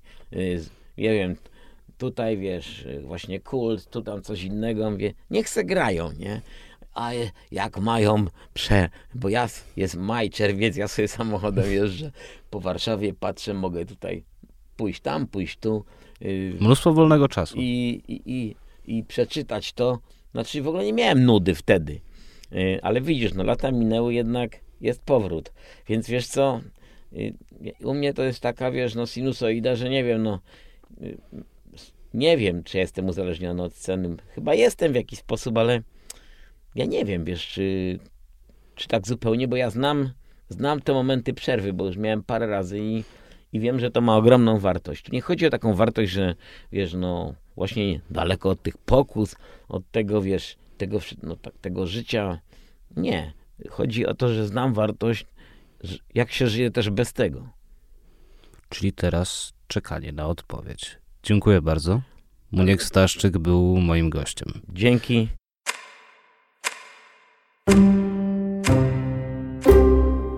O tym opowiadał Muniek Staszczyk, a teraz zapraszam na rozmowę z Karoliną Korwin-Piotrowską o tym, jak sam koncept sławy zmieniał się w historii.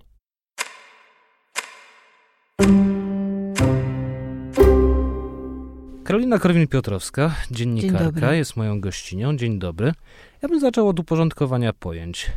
Sława, gwiazda, rozpoznawalność, celebryctwo. Czym to się różni?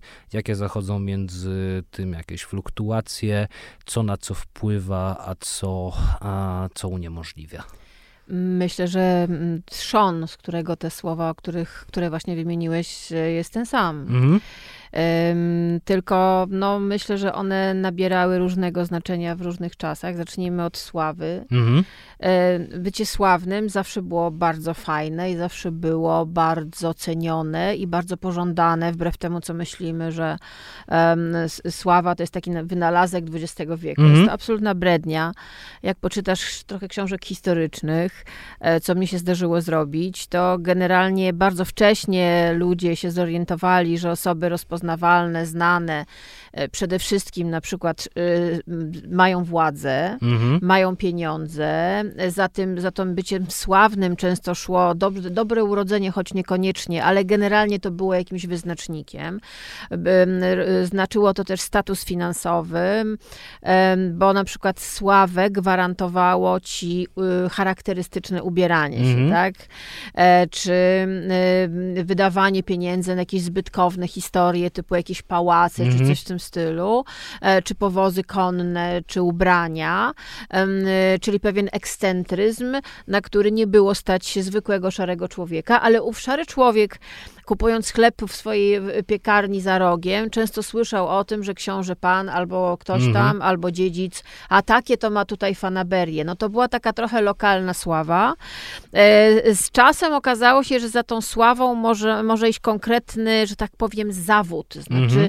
E, w momencie, kiedy no, z, z, świat zaczął przypominać e, dzisiejszy, kiedy zaczęto na przykład organizować produkcję teatralną, mhm. bo filmowej jeszcze nie było. Kiedy pojawili się w impresaria, wtedy nie nazywano ich agentami, tylko to był impresario. I kiedy okazywało się, że trzeba pojechać na przykład w trasę operową albo aktorską, e, na przykład największe XIX-wieczne aktorki dramatyczne i aktorzy jeździli z monologami, no e, na, tak zarabiali pieniądze, nie tylko grając w teatrach. To trochę tak jak dzisiaj, e, że granie w teatrze było trampoliną do dalszego zarabiania pieniędzy. Na przykład do jakiegoś prywatnego eventu, jak dzisiaj są koncerty firmowe, to w salonie tak. XY. Tak, XY i na przykład Helena Modrzejewska, tak?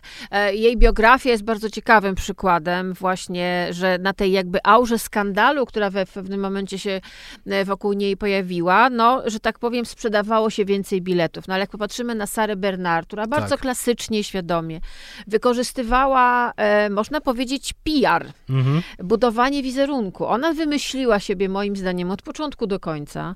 E, wszystkie ekscesy, których brała udział, plotki, które rozpuszczała na swój temat. E, miała absolutną świadomość, że jakieś 90% widowni, która ją ogląda, e, kompletnie nie obchodzi ich o to, o to, co ona tak naprawdę mówi na tej scenie, ale ważne jest to, że A, ona zarabia, B, oni chcą zobaczyć kobietę, która miała stu kochanków minimum. Plus I to jeszcze ludzi nakręca. w przypadku Sary Bernard to było fajne, bo ona się zbudowała rzeczywiście na zupełnej opozycji, nie? Bo ona się urodziła w żydowskiej rodzinie i miała takie bardzo zasymilowane francuskie imię. Tak. Ale jak tak uznała, zrobię z siebie biblijną Sarę, Absolutnie to będę jeszcze tak. bardziej I te widoczna. zdjęcia, do których ona pozowała, cała ta, ta, cały entourage wokół niej, stylizację, ubrania, to noszenie karety, no przecież Matko Boska, czego tam nie było. E, więc porównując do dzisiejszych celebrytów, to naprawdę mogliby się od niej uczyć, mhm. bo dzisiaj to jest bida z nędzą. E, potem na pewno taki przełomowy moment to jest moment, kiedy pojawiło się kino. Mhm. I kiedy bardzo szybko okazało się, że kino jest super towarem przede wszystkim. To naprawdę jest wynalazek da, od samego początku. E, no bo robimy film za małe pieniądze, pokazujemy go na praktycznie byle szmacie i okazuje się, że ludzie na to walą drzwiami mhm. i oknami. Oczywiście też ludzie specjalni, bo pamiętajmy, że kino było na początku zabawką bardzo ludyczną. I to w warstwie tak zwane uprzywilejowane, no to była taka rozrywka trochę dla kucharek, e, dla służących. E, ale potem się okazało, że można, generalnie to nie przeszkadza w robieniu pieniędzy i też jakby wraz z pojawieniem się kina pojawia się moim zdaniem gdzieś taki nowy model gwiazdy, znaczy mhm. taki pierwowzór tego, co my mamy dzisiaj. Czyli czasami osoba absolutnie przez już teraz menadżera i studio filmowe i reżyserów wykreowana od początku. Mhm. Gwiazdami filmowymi na początku były często dzieci z bardzo biednych rodzin, z jakichś domów publicznych, nie wiadomo skąd. No bo to taka jedyna ścieżka awansu. To, to, no taka coś ścieżka awansu, dzisiaj, ale też nie? marzenia, tak? Bo to było marzenie wyrwania się ze swojego świata, też zarobienia dodatkowych pieniędzy, bo te pieniądze tych filmów kręcono ogromne ilości, więc te pieniądze jakieś tam jednak były. E, no i rzeczywiście ta sława uderzała. Pojawiają się menadżerowie, pojawia się e, system studyjny i pojawiają się gwiazdy wykreowane od zera. Im wymyślano wszystko łącznie z, łącznie z, z, z aktem urodzenia.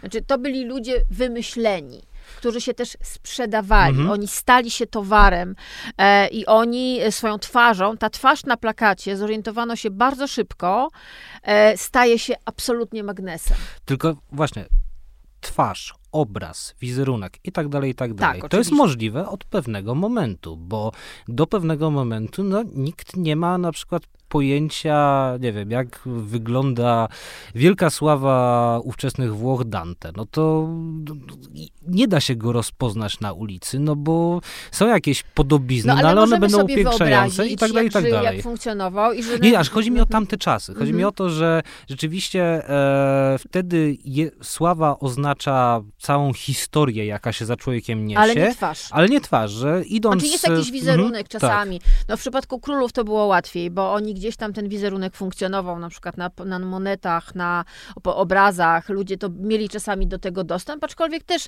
wizerunek króla był gdzieś totalnie zamazany. Rzeczywiście moment, kiedy pojawiają się instytucjonalne teatry, potem kina, e, ten cały show biznes, jeszcze wtedy nie nazywany show biznesem, e, e, biznes cyrkowy, biznes mhm. tak zwanych różnych freak shows, które się tak. jest, jest cała masa. To, to nagle się okazuje, że ta twarz na plakacie zaczyna skupiać, że musi nie tylko być nazwisko, wszystko. Nie, że musi być twarz, że ludzie rozpoznają twarz i że im się ta twarz po prostu kojarzy z tym, że o, to jest coś, za czym kryją się moje emocje, na co ja wydam pieniądze, na co ja chcę, y, co, co ja chcę zainwestować mhm. świadomie. Czyli twarz staje się towarem. Kiedy to się zaczyna w Polsce? Czy możemy mówić o jakichś sławach XIX-wiecznych? No mamy Modrzejewską, No mamy Modrzejewską, myślę, że ona jest taką absolutną gwiazdą, tym bardziej, że to jest no, gwiazda też y, amerykańska. Tak. E, I tutaj mamy też taki przykład y, trochę bolesny, bo jakby myślę, że od niej zaczął się taki rodzaj przekleństwa, mhm. że są gwiazdy bardziej doceniane na świecie niż w Polsce. Mhm. Albo żeby zrobić karierę w Polsce, trzeba ją najpierw zrobić na świecie, e, bo Polska nie jest czasami dobrym miejscem do zrobienia karier. Możemy do dziś wyliczać nazwiska e, wielkich artystów. No ja w świecie filmu parę takich znam, na przykład Krzysztof Kieślowski, który tak naprawdę versus EU, via Europa dotarł mhm. do, i nagle ta dzięki nagrodom europejskim i dzięki temu, że Europa, Europa i świat padły na kolana przed tym talentem, no to myśmy się nagle zachwycili. W świecie ja literatury takim nazwiskiem byłby na przykład Adam Zagajewski, na przykład, tak. który w sumie w Polsce nawet pośmiertnie wielkiej kariery nie zrobił, a kiedy odszedł, to właściwie wszystkie największe amerykańskie gazety, New York Times, New Yorker, Washington Post, New York Review of Books i tak dalej, i tak dalej, nagle publikują sążniste elegie mm-hmm. i mhm. sążniste nekrologii, a u nas to jest taki pan, o którym myślimy, a znowu Nobla nie było. No właśnie, trochę tak jest. My jesteśmy pod tym względem dość specyficzni. Nie wiem, z czego to wynika. E, e, mo, może, może kiedyś o tym opowiesz, bo to jest dla mnie bardzo ciekawe, dlaczego my e, wolimy się zachwycić kimś, kto już, z kim już zachwycił się świat. To nie jest jakiś aspekt kontroli, że my jako część jakiegoś organizmu społecznego, jakiejś widowni, chcemy mieć tę taką władzę, która będzie na pstrym koniu jeździła i będzie myśleć, dobra, to tego teraz będę My tę władzę i tak mamy, widz zawsze ma władzę. Mhm. Ten, który płaci bilety, ten, który kupuje książki, ten, który kupuje, ogląda filmy, a teraz na przykład y, ogląda na streamingu, on mhm. ma władzę. I ta władza y, zawsze była bardzo mocna. Ona teraz tylko po prostu zmieniła y, sposób, w jaki się bo ja pokazuje, ale widz zawsze miał władzę. Znaczy, mhm. to, to, i ten, to, to, to, to, od kiedy to się stało kiedy show biznes, kiedy rynek rozrywki e, stał się gałęzią przemysłu, bo nie ukrywajmy, są kraje, tak jak na przykład Stany Zjednoczone mhm. czy Indie, gdzie produkcja na przykład filmowa, to to jest bardzo ważny w ogóle, w ogóle dział e, zarabiania pieniędzy. Znaczy tam się nikt nie wstydzi tego, tak jak w Polsce. Znaczy że istotny ludzie, wkład do, do podatków. PKB po nie? No. prostu. No. Najzwyczajniej w świecie to jest duma narodowa, na tym się zarabia pieniądze. E, e, nikt się nie wstydzi tego, że te pieniądze są bardzo duże i mogą być coraz większe. I tak naprawdę możemy powiedzieć, że górna granica e, zarabiania tych pieniędzy nie istnieje. E, więc e, wracając jeszcze do, do, do twojego pytania, bo nie pojawiło się jeszcze słowo celebryta. Tak. Dlatego, że no, jeżeli w międzywojniu mamy wielkie gwiazdy, jak na przykład Smosarska czy Bodo mhm. i rzeczywiście to było szaleństwo, bo też pamiętamy jeszcze o jednej rzeczy, o której ja nie powiedziałam. Równolegle z pojawieniem się kina, pojawiają się pisemka dla fanów kina. Tak. I to są, w, w Ameryce to był cały ogromny, niesamowity dział tej literatury. To ja, ja kupiłam sobie parę książek na ten temat i byłam absolutnie w szoku, ile tam było gazetek wydawanych przez konkretny film, kina albo sieci kin dla swoich widzów, y, które były tak naprawdę zbiorem fotosów z filmów i zapowiedzią tychże filmów, ale też, co jest bardzo ważne, zbiorami ploteczek na temat tych gwiazd. Mhm. Ponieważ to, o czym ja chciałam powiedzieć, to jest to, że równolegle jakby ta prasa tabloidowa, która istniała zawsze i plotki o znanych i lubianych czytano wszędzie i o królach i o władcach wcześniej, ale potem prze, przeszło to na, na na przykład gwiazdy teatru czy filmu, nagle tabloid mhm. staje się moim zdaniem potężnym narzędziem w budowaniu no, kariery. I to są tak lata 20-30. To są lata 20-30, kiedy buduje się te, to, ten, ten Hollywood, e, e, jaki już trochę dzisiaj znamy, aczkolwiek on, to, co jest dzisiaj, to jest bardzo też już po, po wielkich rewolucjach, ale mhm. wtedy buduje się system studyjny, e, buduje się absolutny system kontroli nad gwiazdami, które są na kontrakcie w danym studiu, e, czemu zresztą United Artists, gdzie między innymi pojawiają się Mary Pickford i wielu innych gwiazd, próbują się przeciwstawić temu, to bardzo szybko artyści się zorientowali, że nie chcą być na pasku wielkich wielkich mhm. studiów, które je bardzo ograniczają artystycznie. ale w, tym wszystkim, nie zapominajmy, biorą udział media. Mhm. I na początku to są media drukowane i radio, e, gdzie są specjalne audycje radiowe, gdzie mówi się ploteczki o gwiazdach i nikt się tego nie wstydzi, bo wszyscy są bardzo ciekawi tego, co się dzieje u Mary Pickford, czy mhm. u Charlie'ego Chaplina i jakim samochodem jeździł i w ogóle o co w tym, jak, jacy oni są.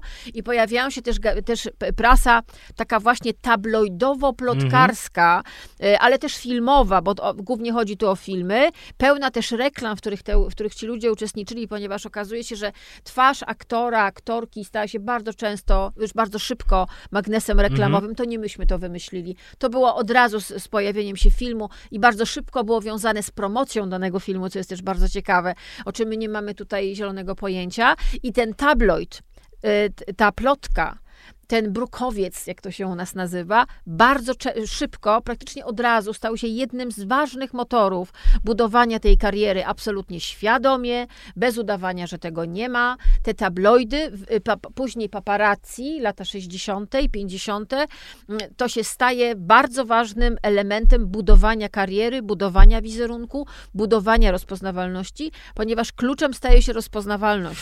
No dobra, ale jeszcze wcześniej mamy taki moment, w którym którym a, bycie sławnym oznacza dużą niezależność, w tym sensie, że jest się jakimś głosem, który sprawia, że ludzie zaczynają myśleć w jakiś określony sposób. Mówię na przykład e, o Emilu Zoli, który nagle jednym swoim artykułem mm -hmm. zmienia cały bieg afery Dreyfusa no we tak. Francji. Tak. Mówię o tym, że e, reżimy totalitarne w latach 20. i 30. będą bardzo e, pożądać poparcia właśnie ludzi tak zwanych znanych i lubianych. Nie? I w tym momencie na przykład ci, którzy się wyłamują z tego trendu, jak Marlena Nagle są Dietrich, skazani na zapomnienie. No, we własnym kraju. Tak.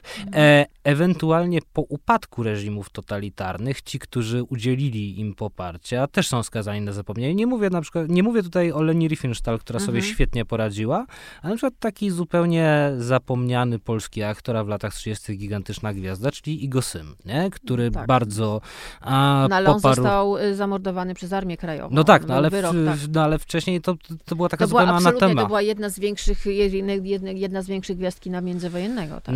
E, to znaczy, w którym momencie przestaje być tak, że nie wiem, e, szef e, Warner Brothers w latach powiedzmy dwudziestych stwierdza, ty idziesz w odstawkę, ciebie bierzemy. Znaczy, w którym momencie e, ludzie sławni stają się autonomicznymi graczami, którzy nie mają takiego zaplecza finansowego jak Jack Warner, ale mogą powiedzieć: Dobra, ale ja mam za sobą poparcie milionów, bo mnie kochają, a ty to w ogóle, może masz pieniądze, no ale to Myślę, że nie ma jednego momentu. Myślę, że to są po, pojedyncze kariery. Na przykład Charlie Chaplin, który wybrał y, y, swo, osobistą, indywidualną drogę, bo go było na to stać. Mhm. E, ustalmy jedną rzecz. E, gwiazdy filmowe, które oglądamy na ekranach w latach 40., 50., do połowy mniej więcej 60., mhm.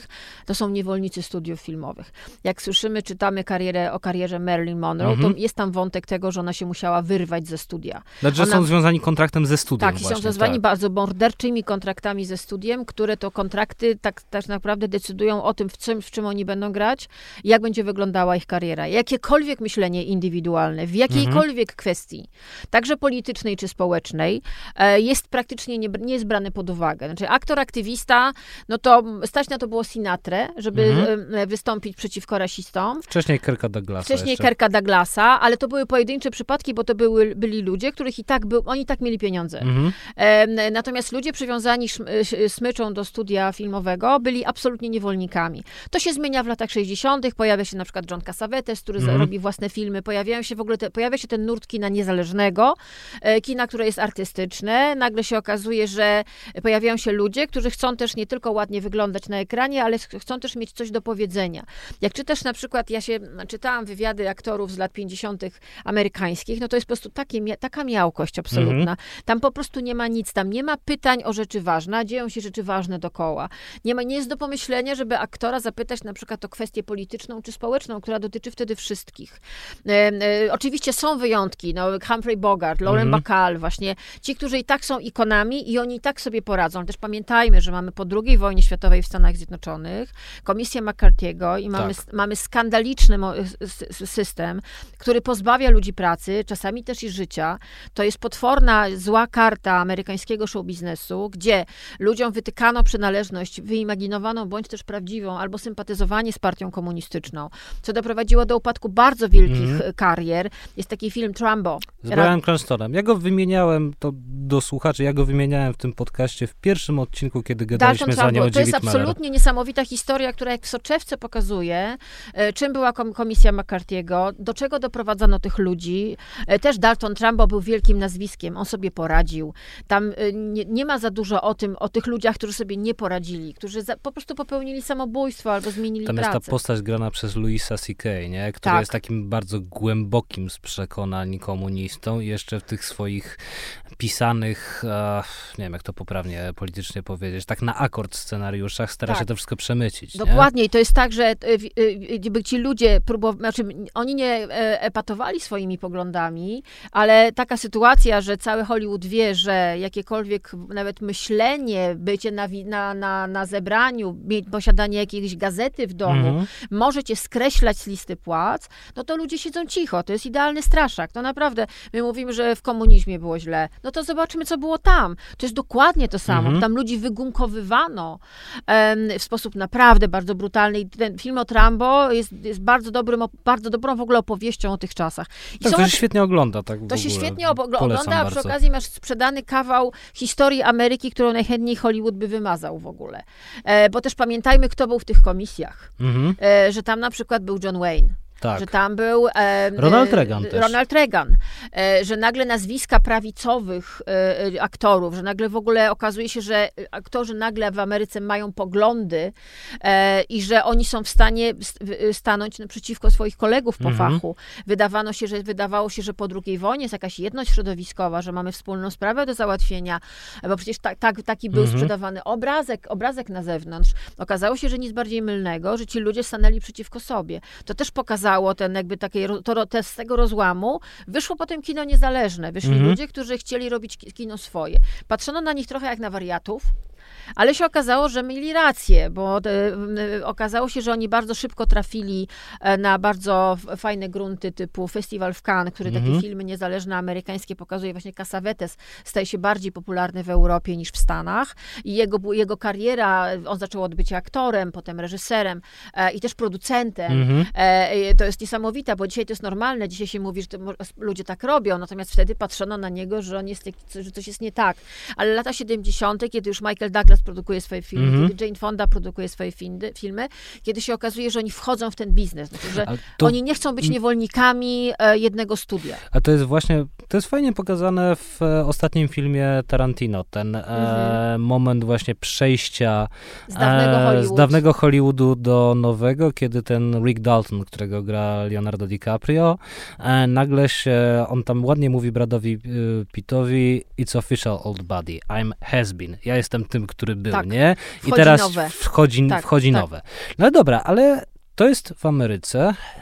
Jakich gwiazd, jakich sław potrzebuje PRL na samym początku. I nie mówię tutaj tylko o przodownikach pracy, ale o ludziach, którzy będą tworzyć taki establishment kulturalny tej nowej ludowej ojczyzny i też nie będą Władysławem Broniewskim, nie będą Iwaszkiewiczem, czyli tymi wszystkimi, którzy zaczynali e, przed wojną, ale będą takimi właśnie nowymi ludźmi.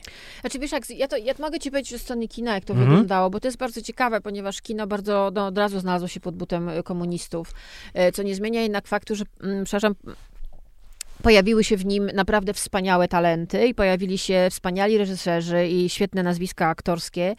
I jakoś tak się stało, że wiesz, no w jednym, w jednym czasie masz i Kuca, i mhm. Wajdę, i masz, masz te wielkie nazwiska, które e, pokazują swoje filmy, bo rzeczywiście początek kinematografii po wojnie w Polsce to jest kino zaangażowane i to jest kino, które no nie jest, że tak powiem, najlepsze. Tam grają aktorzy teatralni, którzy nie mają pojęcia o grze filmowej, która jednak jest trochę inna. E, to wygląda trochę śmiesznie. Te filmy można obejrzeć, na przykład Złoty te łany. Jest, cała, jest tego trochę na YouTubie i to robi wrażenie, no, aż na, takie trochę jak dzisiaj trudne sprawy. Znaczy, mm. to jest aż tak grane. Ale tam występują zacni aktorzy teatralni, bo wiadomo, też trzeba żyć. No i zawsze film był fajnym medium. Film mm. jednak dawał tę rozpoznawalność. Były magazyny filmowe i y, były też mówiono o filmach w radio. Pamiętajmy, to jest jeszcze czas, czas sprzed telewizji i kino było taką rozrywką bardzo pożądaną i bardzo masową. No ale w pewnym momencie pojawiają się super nazwiska. Jest Łódzka Szkoła Filmowa mm -hmm. i mhm. pojawiają się tam, tam tacy ludzie jak na przykład Andrzej Wajda czy Roman Polański. No dobra, tylko tutaj przerwę.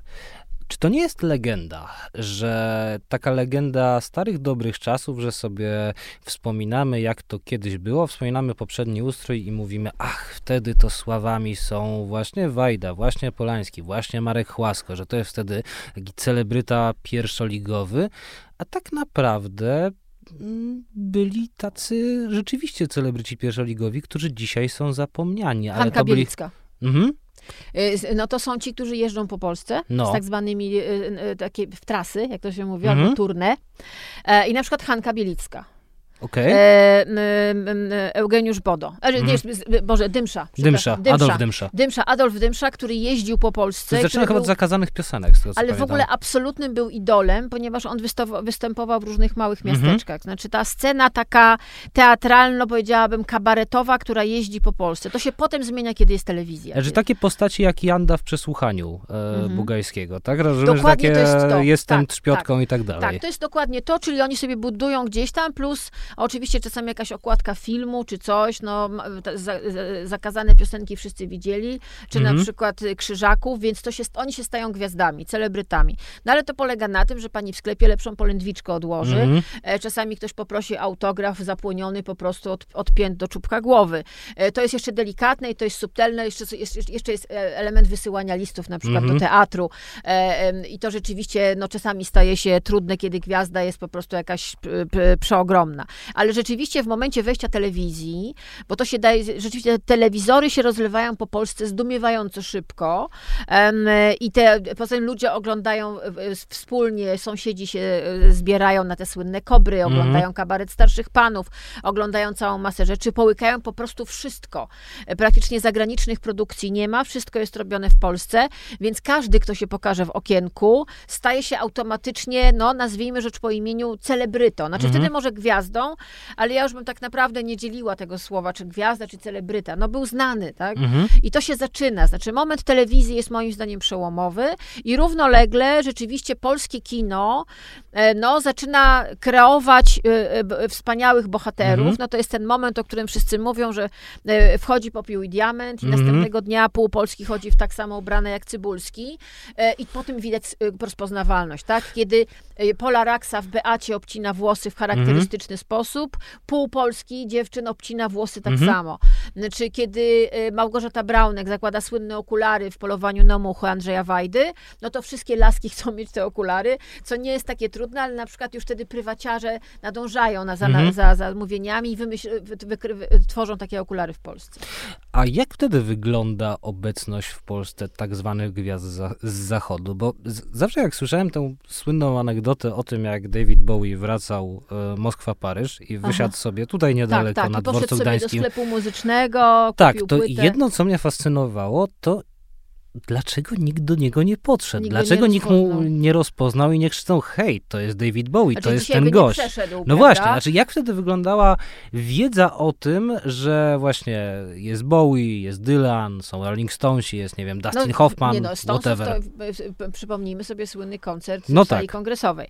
No ale generalnie, no to były festiwal w Sopocie, Mhm. Pamiętajmy, tam przyjeżdżały jakieś tam gwiazdy, głównie z demoludów, ale tam zdarzały się różne, na przykład Sylwii Vartan, przeróżne tam, to, to zdarzały się mhm. na przykład z Francji dużo, ale to był festiwal e, e, w Sopocie. To były audycje radiowe, no Lucjan Kydryński na przykład, no i jego e, słynne audycje radiowe, które tak naprawdę słuchały, no możemy powiedzieć bez przesady, miliony ludzi mhm. i można powiedzieć, że on kształtował gusta Polaków przez tak. długi czas. E, e, to był, wiesz, wprowadzał ich naprawdę w rejony bardzo bardzo dobrej muzyki, e, bardzo takiej naprawdę na wysokim poziomie. E, stąd może pewnie nasze takie złudzenie, że ludzie słuchali wtedy muzyki na wysokim poziomie, mhm. co tak naprawdę nie jest prawdą, ale to jest na zupełnie inną audycję. Ale tak samo na przykład no, tak, na takiej zasadzie, wiesz, no kabaret starszych panów, tak. który był oglądany wtedy, bo nic innego poza tym nie było. Poza tym tam były wspaniałe aktorki uwielbiane przez Polaków i były te wesołe piosenki i to byli ci właśnie aktorzy, którzy mhm. byli absolutnymi celebrytami, znaczy, no bo się pokazali w telewizji. Natomiast zagranica to była właśnie, tak jak mówię, festiwal w, Opo mhm. w Sopocie, audycje radiowe, programy radiowe i gazety. Mhm. Jeżeli na przykład przeglądasz gazety z tamtych czasów, no słynne Ty i ja, i tak. ale na przykład też gazety filmowe, bo no ja też przekrój. Przekrój, ale też na przykład właśnie gazety, miesięczne, chyba filmy wtedy tygodnikiem chyba.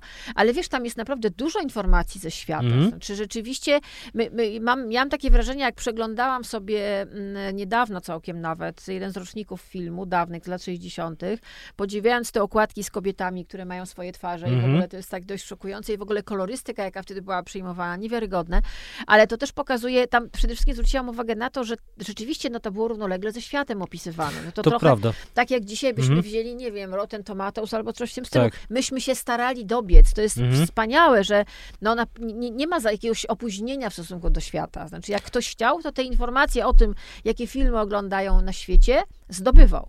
Ale to, to chyba wtedy film właśnie zrobił. To było w jakoś na początku Piękne 60 dziewczęta na ekran. Polskie dziewczęta na ekranie. Piękne. Tak. Piękne? Piękne? To było? Że ta e, akcja, gdzie Wachowiak Tuszyńska. To też przekrój robił. Tak. Tam były zdjęcia mm Plewińskiego. E, no i rzeczywiście, no bo to dzisiaj feministki by powiedziały uprzedmiotowienie mhm. kobiety. Mm Wtedy ta śliczna buzia, jak zobaczymy ilość aktorek, która dzięki temu za, zaczęła swoją karierę, no bardzo pomagała. Mm Znaczy, to była ta okładka, którą czasami ktoś zobaczył. No bo nie robiono wtedy castingów, tak mhm. jak dzisiaj. Nie było self-tape'ów, nikt tego nie robił. E, szukano ładnej dziewczyny do roli. Na przykład właśnie Tuszyńska tak ją dostała. Wiele polskich aktorek mhm. zaczynało E, swoją karierę od właśnie piękne dziewczyna, dziewczęta na ekrany, e, albo na przykład Zofia Nasierowska zrobiła mm -hmm. zdjęcie, albo właśnie Wojciech Plewiński, e, albo Rolkę, więc wiesz, to były takie nazwiska, gdzie pojawić się przed obiektywem tej osoby, to zdjęcie, które potem lądowało czasami właśnie w gazecie, no to było już coś, to są te historie o tym jednym zdjęciu, które zmienia całe życie i w Polsce takich historii było bardzo dużo. No a potem przychodzi rok 89. No jest bida z nędzą. I, ale czy, inaczej, no, nawet nie wiem jak to spytać. Kto nagle zaczyna rozumieć, znaczy jaki decydent, żeby go tak roboczo nazwać, że w Polsce za chwilę będzie taki show biznes jak na zachodzie, że jest to gałąź przemysłu, którego u nas nie ma. Tak samo jak, nie wiem, nie ma sklepów meblowych, to zaraz będą sklepy meblowe. Także nie ma Ikei, ale że tutaj wchodzi mhm. kapitalizm, więc zaraz będzie Ikea, że to jest nieuniknione, nie? Znaczy, wiesz co, myślę, pytasz, znaczy, powiem tak, na pewno wejście koncernów z zachodu, Aha. na początku dość kulawej, ko, ko, ko, naprawdę y, nie, nie, nie, niezbyt mądrze przygotowane bo oni traktowali trochę Polskę jak ziemię do zdobycia. No. E, no i ich podejście do Polski było bez zrozumienia specyfiki ludzi, w ogóle tematu i w ogóle tego, jaki to jest kraj, jak, mm. jak, tutaj, jak tutaj się pracuje. Na pewno wejście wielkich koncernów z, zaczyna powoli zmieniać świat muzyczny, ale robi to bardzo powoli. Na pewno niektórzy menadżerowie próbują robić jak za granicą. Kosz, no, efekty są różne. Widzę Katarzyna Kanclerz mm. na przykład. Do dzisiaj osoba, o której nikt, nikt nie chce specjalnie ja mówić. Ja kojarzę nazwisko, ale nie mam pojęcia o kim mówisz. Przepraszam, ale jestem kiepski z branży muzycznej. Słuchaj, więc no to jest osoba, która tak naprawdę stała za karierami Kasi Kowalskiej zespołu Hej, która była słynną menadżerką, wpisz sobie w Google. Okay. No, która w aurze niesławy odeszła Aha. E, z biznesu, a była, no, czego by nie mówić o niej, ale na pewno myślała szeroko. Znaczy, mhm. to był ktoś, kto myślę, że był larger than life. Znaczy, że to nie, ona nie była na lata 90. Gdyby Aha. ona się pojawiła w 2000, to okej. Okay. E, no poza tym jakby no, kwestie też umów i różnych mhm. historii, ale mi chodzi o sposób myślenia. No na pewno taką osobą, no znowu jest nazwisko, które nie wszyscy lubią, ale to był Lev Revin. No. E, jego Heritage Films i jego myślenie bardzo szerokie, mhm. takie filmowe. Jak znaczy on był takim producentem z lat dwudziestych z Ameryki. Absolutnie, wiesz, cygaro on tak kochał dalej, aktorów. No. Znaczy on kochał film, rzeczywiście był fanem kina. Ja z nim parę razy oglądałam, rozmawiałam po parę godzin o kinie i to był człowiek o gigantycznej wiedzy filmowej i o ogromnym, on kochał kino mhm. po prostu. E, no i no, dzięki niemu ludzie tacy jak John Malkowicz, Volker Schlondow czy y, y, Steven Spielberg kręcili filmy mhm. w Polsce. Znaczy, niestety Polska przegrała wyścig z Czechami i paroma innymi I krajami. Z Węgrami, bo w I z Węgrami, bo nie, nie, zrobiono wielu filmów u nas, bo mhm. mamy kretyńskie przepisy, co nie zmienia faktu jednak, że y, y, Lew Rywin, no jakby jak zobaczysz jego filmografię zagraniczną, no to dzięki niemu trafiały do Polski wielkie nazwiska, no to mhm. dzięki niemu mamy Oscary, Alan Starski, Ewa mhm. Braun. No y, trzeba na to spojrzeć obiektywnie, no zrobił dużo dobrego, dzięki niemu kręciliśmy też pianistę w Polsce. Tak. Ja miałam pra przyjemność pracować na planie w tym filmie, więc widziałam, jak to się odbywało i widziałam ogromne oddanie całej mhm. ekipy. Więc wiesz, te lata 90. to są pojedyncze osoby, które czasami we, ze wsparciem koncernów, ale zwykle jednak nie, czegoś tam dokonywały. Znaczy, e, bo to były takie lata, jak ja robiłam ćwiartkę, to miałam takie mhm. wrażenie, jak czytałam te gazety po latach, to było śmieszne, że to były takie lata, kiedy po raz ostatni byliśmy naiwni. Okej. Okay. Co to znaczy naiwni? Że wierzyliśmy, że wszystko będzie dobrze i że naprawdę Ach. zmieniamy ten świat. Wiesz, to jest taka mm. trochę naiwność, naiwność dziecka, któremu no, mówisz, wszystko będzie dobrze. Też, tak? że jak zaczynali Nie to... myślisz, myśmy mm. naprawdę nie myśleli o innych rzeczach, o, o ważnych rzeczach. Mieliśmy taką jakąś wizję i kluczem, dla mnie Aha. słowem, które, y, które definiuje lata 90. w Polsce, to jest jedno słowo. Prawie że almost. Że jesteśmy mhm. prawie w Europie. I Aha. to pisały gazety, że to jest prawie jak na świecie, że ten film jest prawie jak na świecie, to jedzenie jest prawie jak na świecie, ta kolekcja mody jest prawie. prawie. W dzisiejszym języku to jest e, oddane w spróbowaniu jak na polskie bardzo dobre. Trochę tak, natomiast myśmy wtedy marzyli o tym wejściu do Europy. Mhm. Ta Europa była coraz bliżej. My bardzo chcieliśmy być w Unii, bardzo mhm. chcieliśmy być przede wszystkim w NATO. E, te, pamiętajmy, długo były ruskie wojska na naszym terenie, więc ta świadomość świadomość tego, że Rosjanie są e, w tych koszarach i nie wiadomo, co oni tam mogą zrobić. To, że my, my tak budujemy trochę takiego kolosa na glinianych mhm. nogach i tak patrzymy na te zagraniczne gazety, te teledyski, włączamy MTV i nam się wydaje, że my wiemy, jak zrobić show biznes. Ale to, wiesz co, bo właśnie poruszyłaś temat MTV i ja oczywiście nie żyłem w latach 90., ja to mogę jakoś sobie rekonstruować, być może nietrafnie, to mam takie wrażenie, że lata 90., że lata 90. to jest moment takiego y, powstania dwóch ścieżek, że nagle taka kultura kultura właśnie sławno-celebrycka, która była za PRL-u kulturą inteligencką, właśnie Wajda i tak dalej, i mhm. tak dalej, nagle ona idzie w jedną stronę, a taka kultura rzeczywiście popularna, popularna, taka, która się sprzedaje, idzie w drugą. To pokazuje też, jak bardzo spadają nakłady książek po 89 roku. Nie tylko, y, kiedy Wacław Pasikowski e, pokazuje psy. Mhm. I Wajda mówi, e, że Wajda Pasikowski, mówi, że wie, coś o wie coś o widzach, czego on już Aha. nie wie. E, I przyznaje się, to jest też, myślę, klasa artysty, i, który jest w stanie przyznać się do tego, że czegoś nie rozumie. Mhm. E, że nie jest nieomylny. Wajda miał wtedy ciężki okres, lata 90. to jest moment, kiedy on się ewidentnie buja. On po prostu -hmm. nie może trafić w ogóle. No, filmy, no szuka które, lektur szkolnych. Szuka lektur szkolnych, ale też w ogóle szuka widza, bo, -hmm. bo lektura jest drogą, przez lekturę docierasz do jakiegoś -hmm. widza. E, bo ten widz Pasikowskiego, on jakby, on, on cały czas był. E, Pasikowskiego po prostu wyciągnął przed ekranu telewizoru, wyciągnął go z ulic, wyciągnął, jakby moim zdaniem, ja niedawno film Psy oglądałam i to jest dla mnie film absolutnie proroczy. Znaczy, to jest w ogóle film, który... Jestem wielkim fanem fanem psów. Ja jestem absolutnym, absolutną fanką psów i uważam, że to jest film, który nie tyle, że się nic nie zestarzał, ile on nabiera w ogóle aktualności. Mhm. Jeżeli widzimy tam tych ubeków, tych milicjantów przerobionych na policjantów, jeżeli widzi, słyszymy teksty, które oni mhm. mówią do siebie, na miłość boską wejdź na Twittera, mhm. jesteś na nim, to jest dokładnie to samo. Znaczy świat się, świat się tak naprawdę nic nie zmienił pod tym względem. On, to jest tak naprawdę studium wręcz szekspirowskie pewnej mentalności. I no, powiem wprost, dla mnie to jest takie trochę opowieść o polskości, ten mhm. film i o tym, jak my podchodzimy do historii, jak sami siebie rujnujemy. E, I nie mamy w ogóle żadnej refleksji na ten temat, kompletnie. I rzeczywiście Pasikowski i za nim potem idą kolejni, lepsi lub gorsi. Pamiętajmy, to jest też moment na świecie, kiedy wybucha Tarantino. Mm, e, widowiskowo przegrywa z nim w Cannes Krzysztof Kiślowski, mm -hmm. który wiezie tam film, przegrywa, bo Tarantino w jury pod przewodnictwem Clint'a Eastwooda wręcza mu Złotą Palmę. Tam wtedy jeszcze w jury był wtedy późniejszy noblista Katsuo Ishiguro. Tak, no, o, ale podobno... Który podobno strasznie nie cierpiał Kieślowskiego. No, ale rzeczywiście no, w jury przyznało tę nagrodę. Mówiono o skandalu, ale z perspektywy czasu wiemy, że kino popularne zmienił Quentin Tarantino. Mm -hmm. Zmienił narrację, zmienił wszystko po prostu w kinie. E, I to jest też taki moment, myślę, też przełomowy, gdzie widzimy, że mamy bardzo wyraźny, chociaż jeszcze wtedy dość niepozorny, wtedy, jak się mhm. stało, bo teraz z perspektywy czasu to widać, że to było bardzo wyraźnie, taki rozjazd między sztuką popularną, i w ogóle kulturą popularną w mhm. Polsce, a tą, y, no, nie do, tą jakby artystyczną. Znaczy, jest, mhm. jest... Tą, która stanie się niszową, o której się zacznie mówić, że to jest niszowe. E, wtedy określenie niszowe jeszcze było trochę pejoratywne, dziś mówi niszowe, to jest takie o, e, mhm. lubimy, tak? E, wtedy niszowe, nie, nie, wszyscy się zresztą rzucili w tą popularną, bo ona nagle okazało się wybuchła właśnie w naszych kablówkach. Dostaliśmy kabel, mhm. dostaliśmy pilota. Ja pamiętam pierwszą ja pamiętam kolegę, który dwie domu, doby tak. spędził oglądając MTV. Naprawdę ludzie wariowali. Znaczy, Aha. moje pokolenie, to myśmy siadali przed tym telewizorem, masz to MTV, masz te słynne jingle, wtedy tak. genialne.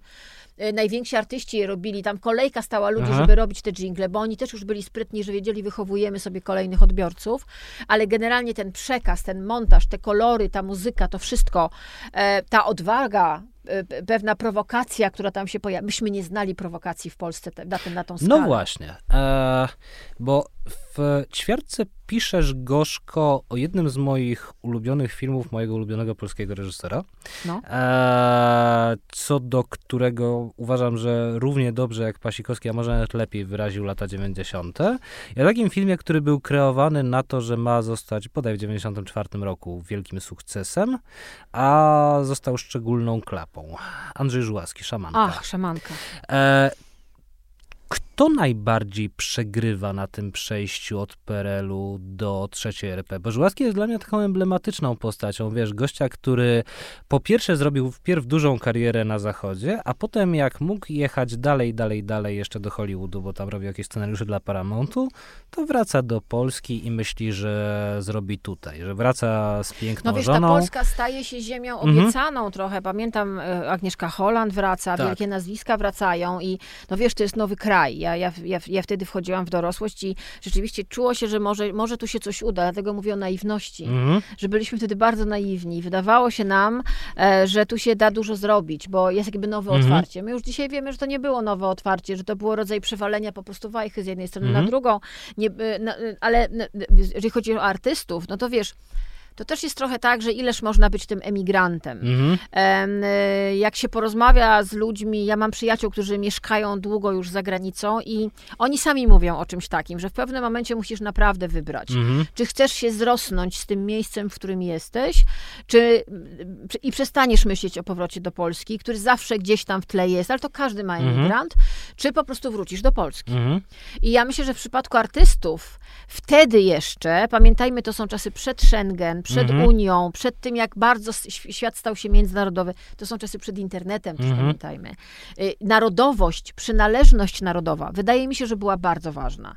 A, a tutaj wydawało się, że mogą się otworzyć nowe horyzonty. Mhm.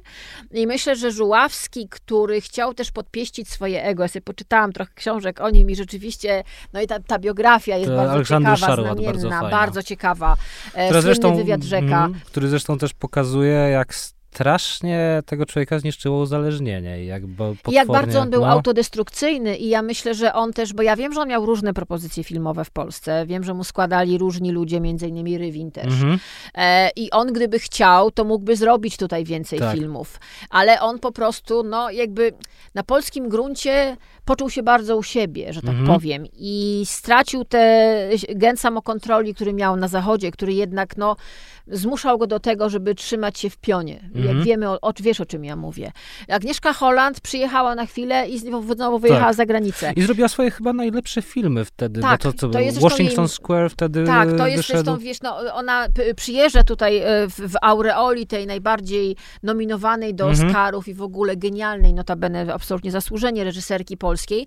Przyjeżdża do Polski, orientuje się, że wiele nie zrobi. Co robi? Pakuje walizki i wyjeżdża, mhm. bo ona też, jakby to też jest inny sposób, myślę, że ona ma inny sposób myślenia w ogóle. Mhm. Ona e, e, kocha tę robotę, e, jej ego gdzieś jest trochę schowane e, i poza tym ona miała też świetne propozycje wtedy. Nią się też wielkie studia zajęły, mhm. wtedy pamiętasz Tajemniczy Ogród, zresztą ona nie lubi tego filmu, znaczy ta praca była dla niej ciężka, bo to była praca dla wielkiego studia, ale ona jeździ, robi duże filmy, robi z dużymi gwiazdami, e, zaczyna robić seriale mhm. jako jedna z pierwszych wielkich, jeden z pierwszych wielkich nazwisk.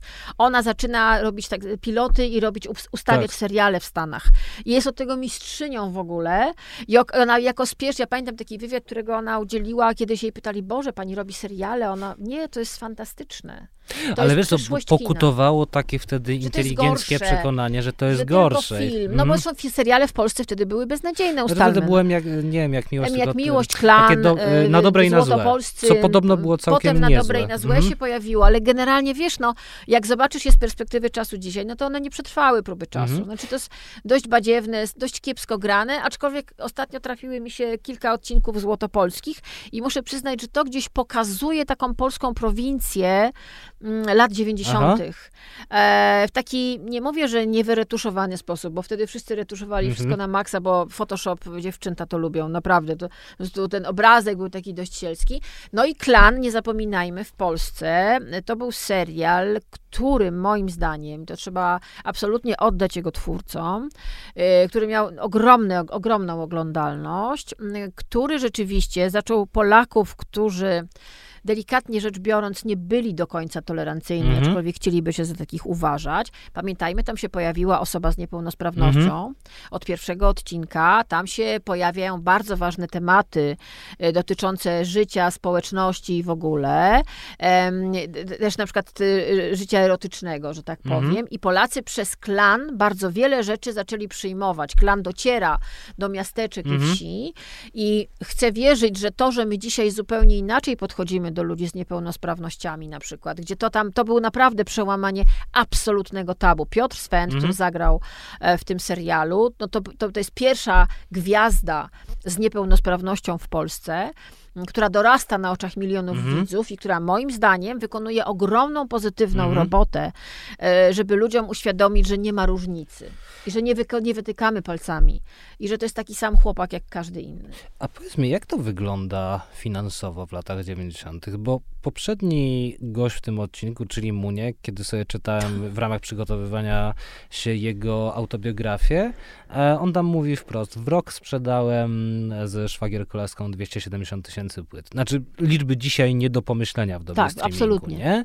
E, pamiętam też, jak czytałem powieść Kuby Żulczyka Informacja zwrotna, gdzie właściwie główny bohater, który po prostu napisał parę nut do wielkiego hitu muzycznego lat 90., żyje sobie do 2020 roku, a z tego świetnie. No ale z drugiej strony. E, Kasia jest... Nosowska dostaje telewizor. Proszę? Kasia Nosowska dostaje telewizor. Od kogo? No jako honorarium. Jako honorarium, okej. Okay. Znaczy właśnie, czy tam się zaczyna coś takiego, że jest albo pauperyzacja, albo wielkie bogactwo i nie ma nic pośrodku? Dokładnie. Znaczy, Aha. to jest też moment, kiedy pamiętaj, uczymy się czytać umowy i uczymy Aha. się pisać umowy. I to jest moment, kiedy zaczynają się budować wielkie fortuny. E, wiele wielkich fortun z środowiska artystycznego e, wyrosło wtedy, ale to nie są fortuny ani aktorskie, Aha. ani wykonawcze, to są e, fortuny producenckie. Aha. Znaczy, albo kompozytorskie. Znaczy tutaj jakby prawo prawa autorskie wchodzą w grę i ci ten, to jedno zdanie napisane gdzieś tam, to to jest kwestia właśnie tego, że ktoś ma od tego tantiemy. Tak. E, a Szwagierko Laska, to myślę, że nie, tyle dostali za sprzedane egzemplarze, ile za to, że byli autorami tych piosenek. Mhm. E, albo na przykład mówię o tej Kasie Nosowskiej, która sobie bodaj kupiła byli, telewizor. To, było takie, to były tradycyjne warszawskie melodie, nie? No, to nie, no, no to podejrzewam, Ale Tilaf i inne zespoły, e, tak. Że, że, że, wiesz, no to, to, to może rzeczywiście sprzedaż Aha. płyt miała wtedy tu, tu, tutaj znaczenie, to, to, to jakby cofam, ale generalnie, jak się też po, po, powspomina, poczyta wspomnienia i porozmawia z dziewczynami, na przykład z wykonawcami mhm. ze sceny muzycznej, którzy wtedy byli, no to, to nie były wielkie pieniądze. Znaczy mhm. zdecydowanie nie. Jeżeli chodzi o aktorów, to to jest w ogóle początek budowania się rynku agentów w Polsce i w ogóle agencji aktorskich. To się dzieje bardzo powoli. Rynek bardzo tego potrzebuje. Tak naprawdę tego e, z trudem się to buduje. Jest kilka osób, e, między innymi Gudejko, jest Lucyna Kobierzycka. Mhm. To są ludzie, którzy próbują ogarnąć ten świat filmowy, próbują zadbać o interesy aktorów e, i o ich stawki również. To jest rzeczywiście początek pewnych stawek i systemu gwiazdorskiego. Pojawiają się nazwiska, które już wtedy zarabiają. Znaczy, mhm. to, w to jest też oczywiście wpleciona praca kolorowa, telewizja bardzo mocno, która ma wtedy ogromną siłę lansowania. No i wszelkie rodzaje media. Nie ma mhm. jeszcze internetu, pamiętajmy, to jest moment, kiedy nie ma internetu, nie ma paparazzi, ale są już brukowce.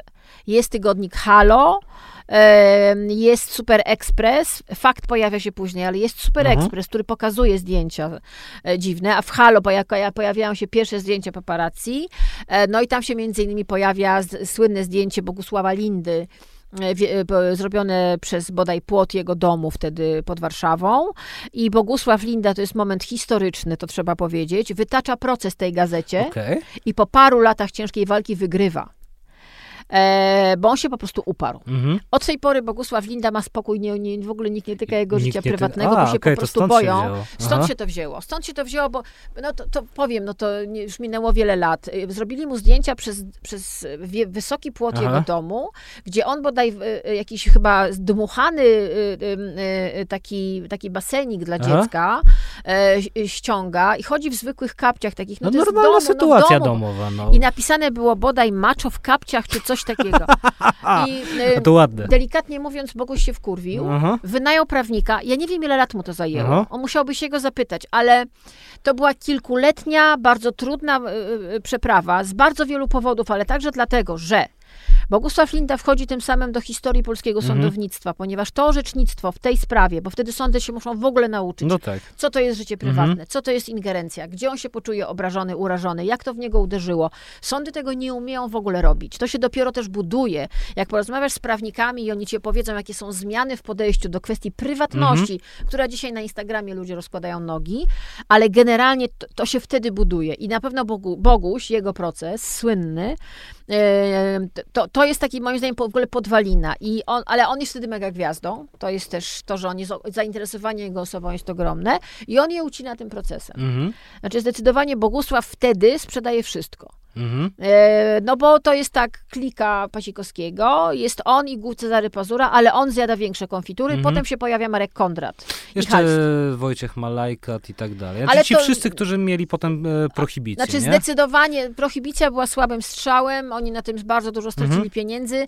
Królem reklam lat 90. Mhm. jest Bogusław Linda równoznacznie z Markiem. Kondratem. Znaczy e, to są królowie, zdecydowanie. No właśnie, reklamy. A nie wiem, czy ty widziałaś taki ostatnio był, moim zdaniem, znakomity film polski, czyli piosenki o miłości. O, to no to tak. Andrzej Grabowski, który gra, gra, tam trochę samego siebie, no. jest tam przedstawiony jako gość, który pierwszy w latach 90. poszedł w reklamy i środowisko go za to wykleło, nie? Trochę analogia do trochę, tak, trochę tak, analogia do tego, że y- Grabowski poszedł w kiepskich i też środowisko bardzo, tak, bardzo tak. go z tego względu nie lubiło.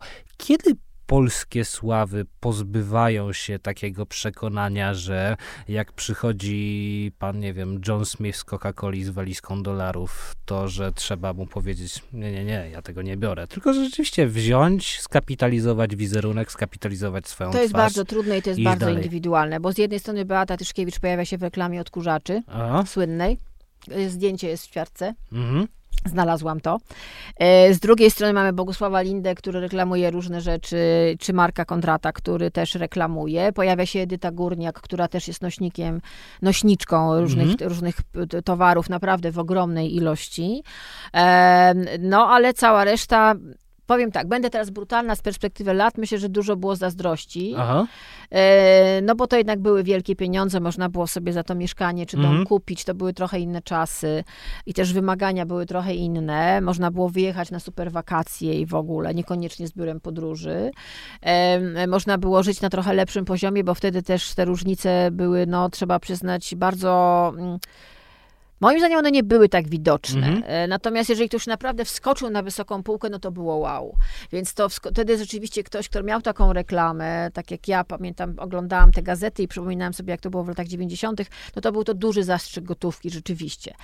No bo też rzeczywiście jej, jej oddźwięk był mhm. ogromny. To były, pamiętaj, billboardy, które wtedy tak. były ogromnym nośnikiem reklamowym. To była reklama w telewizji, która była wszędzie i w stacjach radiowych. Nie było jeszcze internetu. Więc wiesz, ja myślę, że to się to następowało, następowało bardzo powoli. Mhm. Było jakby trochę taka niepisana zasada, żeby uważać z jedzeniem. Zresztą rzeczywiście każdy mądry menadżer powie swojej gwieździe, żeby uważać na reklamy jedzenia. E, ponieważ to jest różna konotacja, dzisiaj jeszcze do tego w świecie memów, to tym bardziej trzeba uważać. E, e, myślę, że takim momentem, którym się trochę zaczęło mocniej przełamywać, to była słynna reklama Janusza Gajosa. Aha. Pedros? Nie, Gajos. I to, była, rekla- to była kawa. To była tak? kawa, e, ale tak naprawdę on występował jako mafiozo, taki Aha. trochę. Znaczy, wiesz, no był tak ustylizowany, to była świetne, świetne zdjęcia i to była taka reklama, którą wszyscy pokochali. Bo ale generalnie Gajosa też się kochają. Mafiozo, no to, to Ale pamiętajmy, Gross, aktor z najwyższej półki mhm. możliwej robi reklamę. Czyli komunikat idzie to nie jest wstyd. Mhm. Tym bardziej, że Janusz Gajos udzielił takiego wywiadu w latach 90., gdzie o widzach w teatrze powiedział klient. Aha. I dla mnie to jest w ogóle taki jeden z wywiadów, który świadczy o tym, że to jest szalenie mądry człowiek, Aha. który ma świadomość tego, co się to nastąpiło w latach 90. i nie ma co się na to obrażać. Aha. Czyli to jest trochę tak jak z klientem niestety, niestety, niestety który przychodzi do sklepu. Mhm i może mu się ten towar spodobać i on go weźmie, ale może towar chcieć zwrócić, albo po prostu już nigdy do tego sklepu nie wejdzie. Wiesz, bo po prostu widzę dużą różnicę między tą właśnie taką niechęcią, o której mówi Grabowski w piosenkach o miłości, a na przykład tym, że według mnie w sumie najlepszy kawałek Sokoła czyli rób e, to, w co wierzysz, mhm. powstaje jako reklama dla Johnego Walkera i jest oznaczony jako finansowany przez Johnego Walkera. Teraz to się, teraz to się nic większe, że mam wielkie trasy koncertowe mhm. finansowane, no wiesz, y, przez... Męskie przez, granie i tak dalej. Męskie granie no. i generalnie bez reklam nie ma, nie ma tego mhm. biznesu. E, wtedy to było, też była zupełnie inna ustawa o wychowaniu w trzeźwości, mhm. pamiętaj. E, więc te reklamy mogły być, teraz to już jest zupełnie inaczej. E, e, nastąpił tutaj ogromny przełom i trzeba było zupełnie inaczej sformatować E, udział reklamodawców w życiu artystycznym. I ja myślę, że oni teraz nam mocno weszli, szczególnie mm. właśnie sil, mocno alkohole, no bo nie mają innej drogi. No. To jest dla nich sposób na pokazanie się. No, e, przykład na przykład, przykład e, alkoholi nowych pana Palikota. Ale dokładnie, więc wiesz, to, to, teraz to się już nic, nikomu, nie, nikt, nikt, nikt się moim zdaniem nie dziwi, ale na pewno, no myślę, że jak są takie wielkie gwiazdy, typu, nie wiem, George Clooney, który mm. robi Nespresso, czy na przykład cokolwiek zrobi Brad Pitt. No, są takie nazwiska, które gdzieś elektryzują, jak się pojawią w reklamie, bo to zwykle wtedy za tym idzie mm -hmm. duże nazwisko, dobra, dobra też jakość. E, w Polsce no, bywa z tym różnie. Nie, no jasne, ja bardziej jak dopóki piłem kawę w kapsułkach, to piłem Nespresso, dlatego, że Clooney to Ale ja, no. oczywiście, że tak.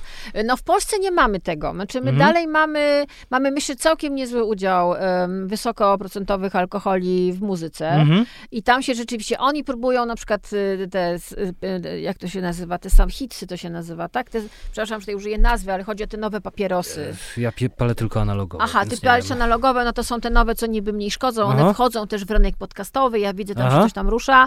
Jakby generalnie oni próbują znaleźć swoją mhm. drogę, e, ale myślę, że wiesz co, powiem tak, no ludzie, ja zawsze wychodzę z założenia, że lepiej jest zarabiać pieniądze niż je kraść. Mhm. Jeżeli przychodzi sponsor i daje mhm. ci pieniądze na zrealizowanie czegoś i to jest sponsor, od którego nie uciekasz od, z, z obrzydzeniem czy z krzykiem, to nie jest wstyd wejść. E, bo tak naprawdę najważniejsze jest to, co zrobisz za te pieniądze. Mhm. A słuchaj, jeszcze wydarza się w połowie lat 2000 moim zdaniem jeden ciekawy moment, no. kiedy e, zaczynają się w Polsce e, całodobowe stacje informacyjne w stylu mhm. TVN24 i tak dalej i nagle sławami, celebrytami stają się politycy. I to nie stają się takimi po prostu, że nie wiem, idzie ulicą pan Tadeusz Mazowiecki i wszyscy wiedzą, kto tak, to jest. Albo jedzie tramwajem. Tak, albo jedzie tramwajem, tylko że nagle pewien poseł pewnej prorosyjskiej partii zaczyna, dzisiaj prorosyjskiej partii, zaczyna występować w Tańcu z Gwiazdami, nie? Tak. Mamy też historię e, pana Marcinkiewicza, który No to ja ci opowiem to, to jako osoba, nie? która jeszcze wtedy robiła w mediach, y, y, no, że tak powiem, takich y, związanych z różnymi koncernami. E, I powiem ci, że to jest tak. Mamy 2001 rok, rusza, rusza TVN24. Mhm.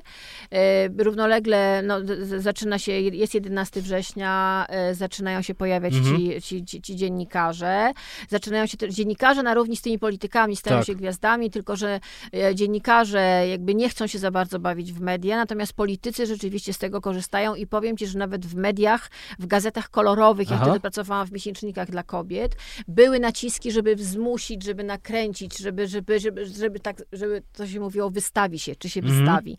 Ja przez jakiś czas pracowałam w takiej jednej gazecie i rzeczywiście w moment, kiedy się wystawiali, przepraszam, wystawiali jacyś politycy, e, no to było wow. Aha. E, bardzo szybko politycy się zorientowali, że na przykład w kampanii wyborczej opłaca się zrobić okładkę Vivy na przykład mhm. i opowiedzieć o swojej słodkiej rodzinie. To są to takie sesje, które są wzorowane na Vanity Fair albo na Hello, na magazynach, które zajmują się gwiazdami. Głównie Hello zajmuje się gwiazdami, bo Vanity Fair nie tylko, ale to są takie sesje, że właśnie rodzina, że tego, to takie bicie, to jest takie trochę na zamówienie. No tam się specjalnie mięsa politycznego nie dowiemy, mhm. ale dowiemy się, jak pocałował pierwszy raz swoją żonę i jak się oświadczył. No przecież o to w tym wszystkim chodzi. Znaczy, taką historię chcemy kupić. Taką historię chcemy kupić mówisz nazwisko Marcinkiewicz, to ja ci mówię, to jest pierwszy, który się potwornie wywalił na to. Ponieważ ewidentnie on miał parcie na szkło. Znaczy mhm. to wszyscy mówili, którzy go znali, że tam było parcie, spotkał kobietę, która miała jeszcze większe parcie i nagle się okazało, że oni zwariowali. Ja pamiętam moment, kiedy Izabel e, pojawiała się ze swoją stylistką w studiu Dzień Dobry TVN. E, e, no, tam był naprawdę hype. To, mhm. to, to, było niesamowite, ale oni też niestety, do czego Marcinkiewicz się przyznał, oni mówili paparazzi, gdzie będą. Znaczy to jest, to jest w ogóle złoty czas ustawek, mhm. to jest przed internetem, przed Instagramem i Facebookiem, e, gdzie gwiazdy ustawiają się, polega to na tym, oczywiście potem idą na kanapę do Dzień Dobry mhm. TVN i mówią, ingerują w moją prywatność, a tak naprawdę ustawiają się, że będą gdzieś tam w tym i w tym danym miejscu i o tej godzinie i niby im zdjęcia z daleka, ale oczywiście są ładnie ubrani, czasem nawet umalowani i w ogóle, no bo chodzi, żeby była ładna fotka i Marcinkiewicz był mistrzem w tym. Mhm. To, że co się stało, to się, co się stało, bo to jest, to jest złota zasada. Jeżeli pokazujesz mediom swój kibel, mhm. to wejdą ci potem wszędzie i oni już z tego kibla nie wyjdą. To jest prosta zasada. On im pokazał za przeproszeniem swój kibel. Mhm. I to jest fajne, kiedy jest super. Ale w momencie, kiedy chcesz się schować, kiedy masz słabszy moment, a każdy z nas ma, i on w pewnym momencie miał, to był ten rozwód, mhm. wypadek byłej żony i w ogóle, no to on chciał, żeby uszanowana jego prywatność i w tym momencie media powiedział, serio? No ile lat, ile lat ty dawałeś nam mhm. pożywkę i było to za twoją zgodą w większości, autoryzowane sesje, wywiady, wszystko inne, czy ustawki i teraz nagle, oczywiście każdy ma prawo do prywatności i powie to każdy prawnik, ale media, dopóki nie mają wyroku sądowego, szaleją po prostu. A czy jest wtedy też odwrotna tendencja? Bo mamy dzisiaj duże gwiazdy, duże sławy, bardzo fajnych artystów, którzy, za, którzy bardzo świadomie a mówią, ja nie chodzę równo nigdzie. No znaczy... Albo prawie nigdzie, chyba że mówimy prawie, o płycie. Oczywiście. E, przykład, zapraszałem tutaj no.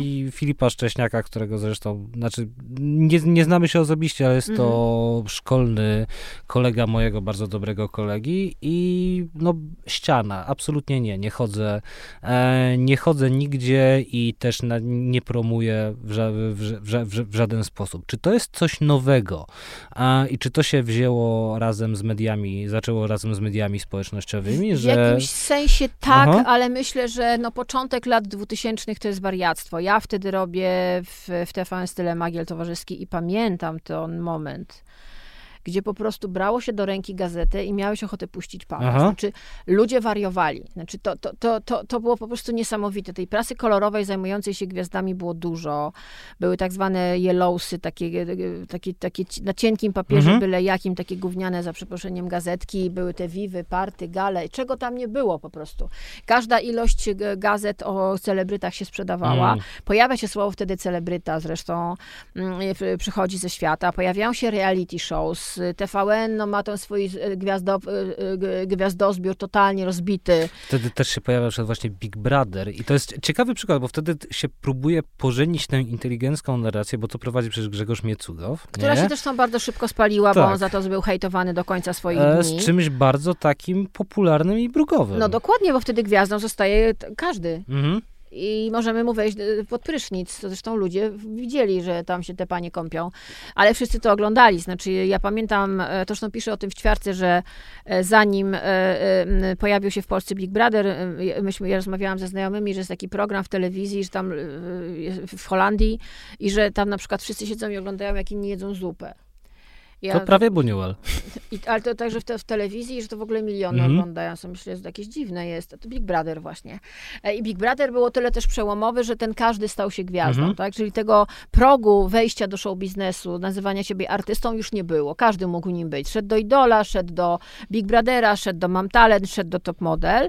E, I pamiętam, jak myśmy ten magiel robili, robiliśmy tak zwane kolegia, to znaczy po prostu czy tak zwane, znaczy po prostu kładliśmy gazety i patrzyliśmy, co się dzieje, co ci ludzie wyprawiają. I, a wiedzieliśmy też na przykład od samych paparazzi, co jest ustawką, a co nie. I to 99% to były ustawki. Naprawdę. E, to, to, to, teraz jest Instagram i to jest mhm. taki rodzaj ustawki od razu bezpośrednio. Kontrolowanej. Kontrolowanej, natomiast wtedy to była ustawka z paparazzi albo z, naczelnymi gazet, którzy mówili, -hmm. dobra, niech się wystawi, niech pójdzie z dzieckiem gdzieś tam, pokaz, zrobimy zdjęcie, zdjęcie takie, że nie siedzi na ławce, cokolwiek, żeby mieć fotę, tak? Więc na przykład foty dzieci, brzuchy gwiazd, żeby, jakby wiesz, ogłaszanie swoich zaręczyn, ogłaszanie swoich rozwodów, mhm. również parę takich akcji było. Na przykład dzisiejsza główna ideolożka mm, e, walki o życie poczętem, Dominika Figurska, ma za sobą mhm. totalną jazdę w, w, w, prasie kolorowej na własne życzenie, którą roz, rozpętała, więc no naprawdę działo się wtedy, brałeś do ręki tą gazetę i to po prostu było jakiś, jakiś z perspektywy czasu to był absolutny horror. Ci ludzie sobie w ogóle nie zdawali sprawy z tego, o czym myśmy w tym programie mówili, że stawianie granicy prywatności jest bardzo ważne. Tam mhm. u nas przychodzili medioznawcy na przykład, którzy mówili, że wtedy na przykład mamy wrażenie, że to jest daleko już posunięty ekshibicjonizm. Znaczy wiadomo, że ekshibicjonizm wpisany jest w to bycie sławnym, narcyzm. Mhm. To jest w to wpisane i nie udawajmy, tak jak ty siedzimy, ty ja, jesteśmy trochę ekshibicjonistami, jesteśmy trochę narcyzmami. More or less. Jesteś... Bardzo, je, ba, o, przyznaję się bez bicia do bycia potwornym narcyzem, ale nie ekshibicjonistą. No, ale wiesz co, to, no to umiesz nad tym panować prawdopodobnie. Każdy z nas ma taki gen. E, w pewnym momencie ten ekshibicjonizm stał się towarem. Kiedyś, mhm. wiesz, ekshibicjonistów leczono, bo pokazywali, e, że tak powiem, genitalia. E, w, w 2000 latach na całym świecie to się stało jakby, to było jak COVID po prostu. Mhm. Użyję tego porównania, bo to była epidemia. Ludzie niektórzy zwariowali. Mhm. I w tym momencie, właśnie wracając o to, o to, o to do twojego pytania, jakby na opozycji zaczęły no. pojawiać się gwiazdy, to przyszło ze świata, typu Meryl Streep czy parę innych. Bill Murray. Bill, którzy na zasadzie nie pokazuje rodziny. To jestem ja, moja żona, mój mhm. mąż was nie interesuje, moje koty, psy was nie interesują. Jestem ja i promuję film. E, poza tym pojawiło się pokolenie młodych aktorów, no. którzy jakby w odbiciu do tych, wiesz, Jennifer Lopez mhm. i różnych innych stwierdzili, nie no zaraz, zaraz, moment, chwileczka ja chcę być rozpoznawany przez mój film. I na przykład to pokolenie, które wrosło z Harry'ego Pottera, no Emma Watson, tak? No. Jest, ona jest tego doskonałym przykładem. Pojawia się Natalie Portman, pojawiają się świetne, młode aktorki, aktorzy. To przychodzi ze świata, którzy ucinają pytania o życie prywatne. Ona teraz ma oczywiście swoje media społecznościowe, jedna i druga, i jest gdzieś tam dość aktywna, ale wtedy to była deklaracja. Mhm. I w Polsce się pojawia to pokolenie typu Ogrodnik, Gierszał e, e, i oni zaczynają zaczynają też stawiać tą granicę. Znaczy, to jest bardzo wyraźne i mi się to mhm. na przykład bardzo podoba.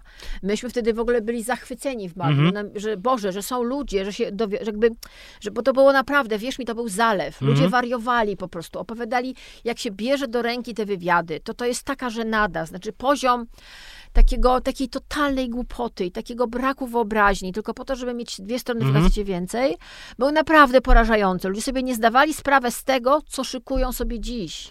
A Powiedz mi, bo mówimy cały czas o przychodzeniu trendów z zachodu. Potem mamy chyba największe trzęsienie ziemi w świecie artystycznym w tym stuleciu, czyli rok 2017 i Me Too. Mhm. E, I wszystkie jego reperkusje, które się nie odnoszą tylko i wyłącznie do przemocy seksualnej, ale do ale przemocy w ogóle. w ogóle do przemocy nie? werbalnej, do... E, tak. No, ty napisałaś na ten temat, na, na, temat tego, jak to wygląda w Polsce, książkę. Tak. A dlaczego w Polsce nie było czegoś takiego? To znaczy, bo jakoś, wiesz, znaczy, mówiąc kolokwialnie, no, skurwysyny są wszędzie na świecie takie same, tak? To mhm. trudno by uważać, że u nas e, akurat e, ludzie są jakoś szczególnie lepsi. To jest bardzo dobre pytanie. Powiem ci tak.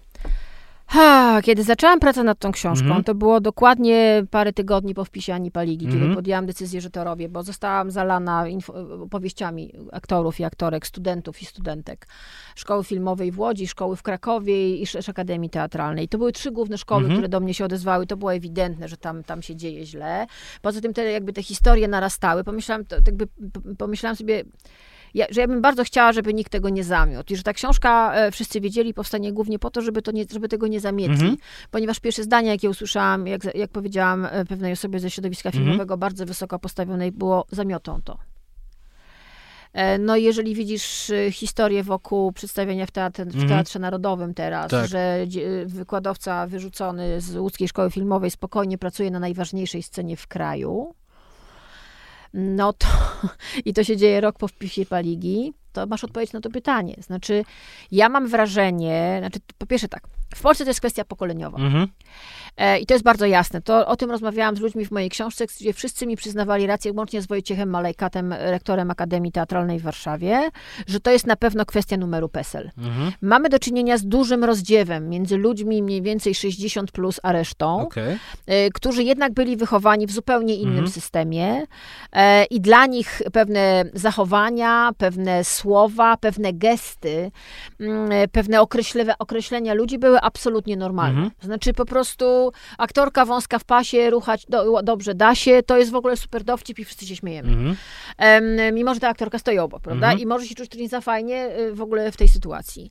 E, to, jest, to jest rewolucja ludzi bardzo Mhm. młodych i młodych. Teraz po tej historii w Narodowym znowu dostaję masę wiadomości, bo napisałam o tym post na Instagramie, bo uważam, że nie należy absolutnie tego zapominać i trzeba o tym mówić. I poza tym Mhm. po od, odzewie ja widzę, że to jest bardzo mocny temat. Od kilku aktorek, które są już na świeczniku albo za chwilę będą, bo wchodzą w duże projekty i one mi piszą wprost, jak to się dzieje.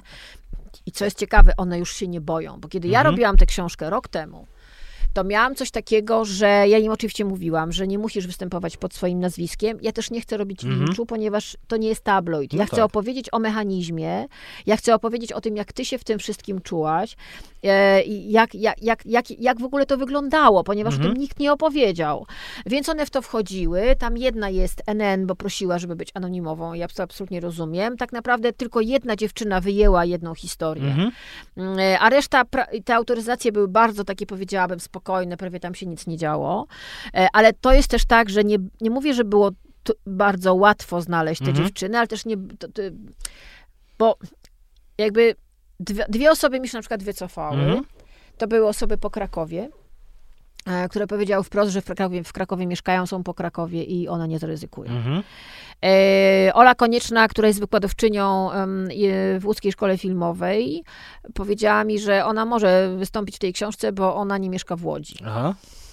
Bo ona tylko przyjeżdża, bywa i potem wraca. E, e, Jakby mamy do czynienia e, z, nie chcę powiedzieć, że ze zmową milczenia, no ale kiedy dzwoni do mnie Janna Koskrause, która jest w Gildii Reżyserów Filmowych, Mhm. która jest wspaniałą, mądrą e, ko- kobietą, jest aktywistką, jest feministką, jest artystką przede wszystkim. I ona mi mówi, że przeczytała i że to jest granat wrzucony w to Mhm. środowisko em, i że będzie mi bardzo trudno, ale że to jest absolutnie niezbędne, co się teraz stało Mhm. i że nie można pozwolić, żeby to zamietli, to ja mogę jej bardzo podziękować i czekam, co będzie dalej. Znaczy, No właśnie, e, bo to jest takie pytanie na koniec. Gdybyśmy sobie mogli wyobrazić, że jesteśmy no, w sytuacji analogicznej do pewnego razu w Hollywood i że tak jak e, Rick Dalton widzimy, że coś się kończy i coś się zaczyna. Także właśnie w modelu bycia sławnym, no właśnie, bo bycie sławnym jest pewną Mhm. instytucją, której społeczeństwo Tak. od kilku wieków potrzebuje. To jak to będzie wyglądało w tym stuleciu? Albo dobra, w najbliższej dekadzie już. Nie, nie idźmy aż tak ambitnie. Mm, Mam, chcę wierzyć w to, że do władzy dojdzie pokolenie, które teraz ma dwadzieścia parę lat i zrobiło tą rewolucję na przykład ręką Anny Paligi. Mhm. E, oni się znają, oni się kumplują, oni chodzą do tych samych knajp, są w te, z tego samego mniej więcej środowiska. Ja ich spotykam zawodowo, rozmawiam o ich Mhm. projektach. To są bardzo ciekawi, bardzo mądrzy ludzie, którzy no, nie boją się powiedzieć wprost pewnych rzeczy. Oni wprost mówią o swoich emocjach, co mi się bardzo podoba. E, też mówią o tym, ile chcą zarabiać, co Aha. też jest bardzo ważne. Oni się tego nie wstydzą. E, To jest pokolenie, które umie coś, czego moje pokolenie nie miało, czyli postawić granice. I to widać, to, że ja znam pokolenie też młodych producentów mhm. filmowych, bo to jest środowisko, które trochę znam i to są ludzie, którzy no, nie, nie, moim zdaniem nie odbiegają od tych na świecie. E, to jest, są otwarci, świadomi swoje tego, co chcą za, zrobić e, na ekranie. Też chcą zarobić i się nie wstydzą o tym mówić, co w ogóle zarabianie pieniędzy przestało mhm. być wstydliwym tematem, ale oni wiedzą, że na przykład umowa musi mieć klauzulę o inkluzywności. Oni wiedzą, że musi być klauzula antymobbingowa. Tu mhm. się nikt, nikt nie dziwi takim rzeczom. Oni wiedzą, że na planie musi być koordynator intymności, że to jest w ogóle niezbędne, żeby się aktorzy dobrze poczuli. No, chociaż jeżeli nawet ta intymność jest, nie wiem, przez szybę i mhm. nic. Nie, nie, tutaj po prostu musimy to, to ma być jakby, mają się wszyscy dobrze czuć. Więc dla mnie, myślę, że nadchodzi y, z, z jednej strony era takiej totalnej, koszmarnej komercji, którą Aha. widzimy na przykład na Netflixie w pewnych momentach, gdzie E, są takie produkty filmowe, to jest ten przemysł kulturowy, o którym mm. się mówi, który e, ma się, jak w, ma się w najlepsze, rozbił się totalnie w pandemii, bo ludzie siedzieli, oglądali wszystko jak leci i po prostu zalała nas cała masa takiego chłamu, bo wiadomo mm. było, że ludzie łykną wszystko. Ale no, no widzimy, co się ogląda na tych, na tych dużych serwisach streamingowych. Ale też po, i, i to rzeczywiście zalewa, aczkolwiek z drugiej strony ja już zaczynam czytać artykuły, które mówią o tym, że te serwisy streamingowe typu na wielki na N stają się e, ofiarami własnego sukcesu, że tam tak naprawdę, jeżeli mówimy o poziomie, to są pojedyncze historie. Mhm. Cała reszta jest rodzajem takiej papki, która tylko różni się warstwą językową. No i rodzajem uprawianego mhm. seksu, bo to jest bardzo mod, mocne i modne tam. I to się tam dzieje. A poza tym nie dzieje, nie dzieje się wiele więcej. Więc z jednej strony jest ten taki przemysł kulturowy, to jest ta mhm. taka nadęta bańka, kolorowa i e, bardzo wrzaskliwa, ale z drugiej strony jest bardzo, myślę, mocna e, rzecz, mocna grupa ludzi, którzy no, robią rzeczy niszowe, co dzisiaj już jest absolutnie komplementem, a w latach 90. było trochę pogardliwe. Dzisiaj to już jest komplement, robią dla wybranych, bo też właśnie algorytmy, na przykład Facebooka, po, po, w, ich baj, w ich bańce pod, podpowiadają im, gdzie są ich odbiorcy i oni sobie tych odbiorców dobierają. Oni nie mają wielkich takich ambicji pod tytułem idę w miliony, mhm. aczkolwiek pamiętam, jak rozmawiałam z Nataszą Parzymies, która zrobiła kontrolę, mhm. czyli e, Natasza jest w tej chwili najbardziej oglądaną reżyserką po, polską na świecie, nic z tego nie zmienia zmieni. Mhm. E, ja się zapytałam po pierwszej kontroli, mówię, nie no to tak, to ty byś pewnie teraz chciała do Gdyni pojechać, czerwony dywan, de historię. A ona na to nie. Ja chciała zrobić dobry serial na Netflixie. Mhm. To się zmienia myślenie. Jak rozmawiam z Tatkiem Musiakiem, który jest nominowany do Oscara, e, jaki film chce zrobić, to on otwarcie mówi niskobudżetowy, na własnych warunkach. Znaczy, to jest bardzo ciekawe pokolenie. Znaczy, może rzeczywiście jest to pokolenie jakiejś zmiany mentalnościowej. Oczywiście nie, nie mówię e, e, globalnie i nie, nie, nie chcę generalizować, ale ci ludzie, których ja poznałam, mhm. E, typu Dawid Nickel, no, na, na, naprawdę na, to są bardzo fajni, bardzo otwarci, bardzo ciekawi świata ludzie, którzy może bardziej chcą być niż mieć, mają świadomość pewnego, pewnej dekadencji dzisiejszych mhm. czasów, bo ja myślę, że to też jest coś, co o czym można by długo mówić, bo myślę, że my żyjemy w pewnym schyłku. Z jednej strony jest rewolucja, a z drugiej strony jest schyłek pewnego świata.